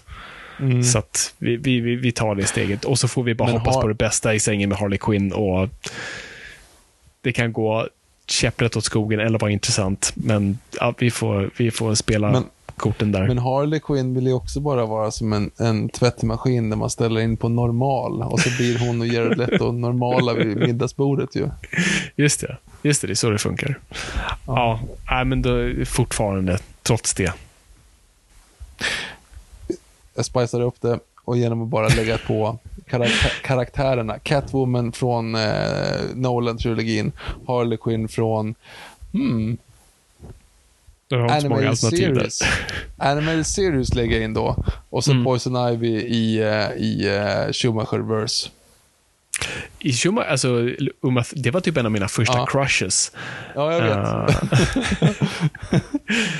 Eh, Så Uma Men- Thurman och sen så eh, Animated Series Harley och um, Anne Hathaway ja, Catwoman. men då, då dödade jag nog Harley och så Rough and Tumble med, vi får ta den risken. Vi får ha eh, Rubber Lips med, med Uma Thurman. Your charm. och så eh, Anne Hathaway, för det, det, det, det är min smak. Ja, jo, det är ju det. Ja, det kanske var lite lätt. Okej, trean då. Captain America, Bruce Banner, Falcon. Ja, vi, dödar Falcon för att supertrist, särskilt efter Falcon and Winter Soldier. Jesus Christ. och så... Åh, oh, herregud. Nej, vi får spela våra kort där också och hoppa i sängen med Hulken och hoppas på det bästa. Det är lite så här, sä, säg ingenting som gör honom arg bara. ja. Ja, men det ska inte vara så svårt då. väldigt, stel, väldigt stel akt liksom. Det är okej okay för dig, det är okej okay för dig. Jag bara, Gör något då! Fan Ja, Sjunger lullabyen hela tiden. Liksom, hålla lugn. Och så blir det bara ja. motsatt effekt. Han blir bara irriterad för att man liksom inte gör något. Ja, vi lämnar den där och så såklart gifter oss med Cap. What else? Ja, men det, det, det, ja, men det håller jag med om. Det är jag också med. Mm. ja, det var jobbigt att vara gift med Bruce Banner ändå. Så ja. fort det är liksom så här, har inte du plockat ur diskmaskinen? Så bara, man slår sönder hela köket. Åh, skit. Idag igen. Igen. Mm. Ja. Eh, och så till sist några skurkar från Disney. Jafar, Hades och Claude Frollo. Oj. Oj. Ja, Hades är ju lite svår för att han är ju liksom en gud. Med brinnande hår. Jo, men vadå? Claude Frollo är ju fan präst. Det är inte mycket enklare. Nej, han är... Vilket, nu gör du en sån där rolig, hon har tandställning i Moonraker fel. Frollo är inte präst, han är domare. Judge Claude, Frollo, ja just det, fan det är sant. Men, vad, men, men ja, okej, okay, och det är intressant. Mm. För nu måste jag tänka efter. Så varför kan han inte... Okej, okay, förlåt. Tänk pre-me too. Varför kan han inte gifta sig med Esmeralda i så fall? för, för, för, det är det som är poängen. I boken Ringaren Notre Dame, då är ju poängen att han bränner henne på bål för att han inte kan gifta sig med henne. Mm -hmm. Och då har jag för mig att det handlar om att han har ett kyskhetslöfte. Alltså hennes åsikt är liksom inte med i ekvationen, åtminstone i, i Victor Hugos version tidigt 1800-tal. Men det är yeah. så jag får mig att hela grejen är. Att ja. han typ har lovat att leva i celibat och domare lever fan inte i celibat. Nej. Um, inte vad jag vet. Jag vet inte vad, vad franska domare gjorde på 1800-talet. Mm. Uh, eller om de var kopplade till kyrkan på något sätt, vilket säkert inte var omöjligt. Uh, och, I, I, I don't know. I don't know. Mm. Men, men jag skulle nog ändå så här, jag tror jag, jag gör så här, jag dödar Hades för det, det är liksom, det är mörkt och dystert, det är eld, nej det funkar inte. Charmig dock, jag ger honom det. Men så gifter vi oss med Frollo, för han är ändå liksom, han vill ju ha kärleken i sitt liv.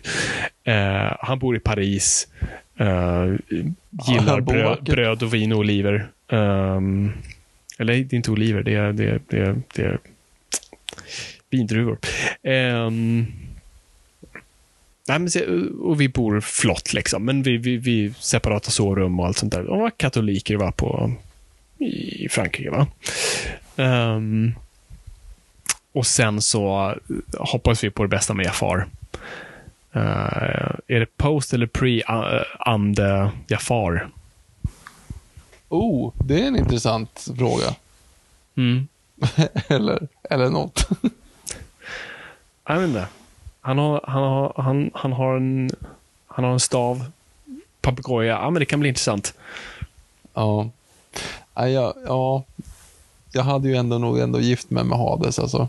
Det är så här, kill Hades, nu kommer jag inte ihåg vad det är han säger, Saddam Hussein i uh, Big Longer Uncut. Where do you go? Denver? Eller något sånt där.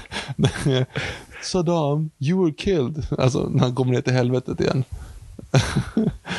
eller Philadelphia, jag kommer inte ihåg vad det är, men när de mördar Saddam Hussein och han dyker upp i mhm. helvetet mm. igen. För de mördar honom för att han ska sluta bo med djävulen. Djävulen tröttnar ju på honom. Mm. Och då mhm. visar det sig att han, man, han dödar honom så kommer han till helvetet igen. Så det gjorde ju ingenting.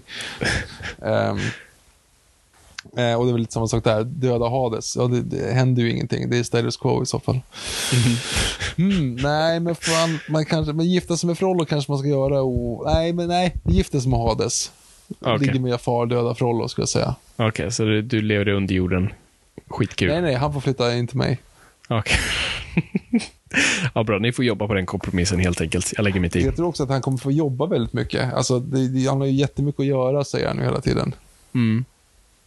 Till skillnad från er gudar som är här uppe och slöar, eh, har jag ett full, heltidsjobb som du så snällt tilldelade mig.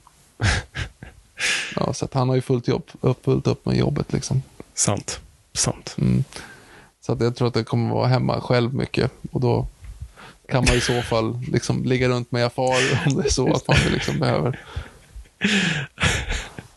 Absolut. För bo, förutom Hades, Hades är ju asexuell, men de andra två är ju liksom deras karaktärsark är ju liksom att de vill ligga med någon som de inte får ligga med. Nej, det är fan sant. Jasmine och eh, Esmeralda. Mm. Sant. Båda i hö hög position inom det samhället de verkar. Mm. Ja. Samtidigt så tror jag att vi tog, alltså de, vi tog nog den, båda de två är nog ganska rika. Jafar framförallt är väl rik. Det är också på efter, det handlar om det liksom efter kuppen eller innan. Mm. Ja, precis. Mm. Pre. Pre säger vi på allt. Mm. Prime. Ja, det var de frågorna vi hade i alla fall. Åh, herregud. Vi har hållit på på tok för länge för ett sånt här avsnitt Ja. och ingen kommer trycka på det och bara säga oj, ett tre timmar långt avsnitt om en film jag inte ens har sett. Det här är värdelöst. Så att det här blir intressant. Men Jurassic World Dominion, och dessutom diskussionen om Jurassic World Dominion var typ en halvtimme sedan vi läst frågor i två timmar. Jajamän. Ja, nej. Förlåt. Ja, förlåt. Eh, jag tycker vi bommar igen där, för det finns inte värt Mm. Att lägga en till sekund på det här. Tack så jättemycket för era frågor, hörni. Alltså, tack. De är så härliga och uppskattar det jättemycket. Så Verkligen. först och främst det. Men efter det, tack så jättemycket för att har lyssnat. Det är kul att vara lyssnat. Men kom ihåg folk, ingenting är för nördigt.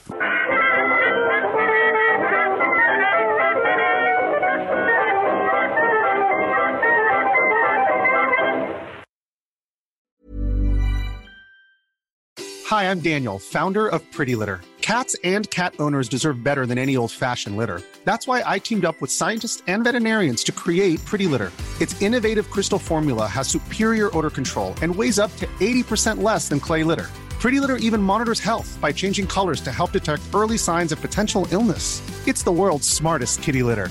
Go to prettylitter.com and use code ACAST for 20% off your first order and a free cat toy. Terms and conditions apply. See site for details. Hey, it's Paige DeSorbo from Giggly Squad. High quality fashion without the price tag. Say hello to Quince. I'm snagging high-end essentials like cozy cashmere sweaters, sleek leather jackets, fine jewelry, and so much more. With Quince being 50 to 80% less than similar brands. And they partner with factories that prioritize safe, ethical, and responsible manufacturing. I love that. Luxury quality within reach. Go to quince.com slash style to get free shipping and 365 day returns on your next order. Quince.com slash style.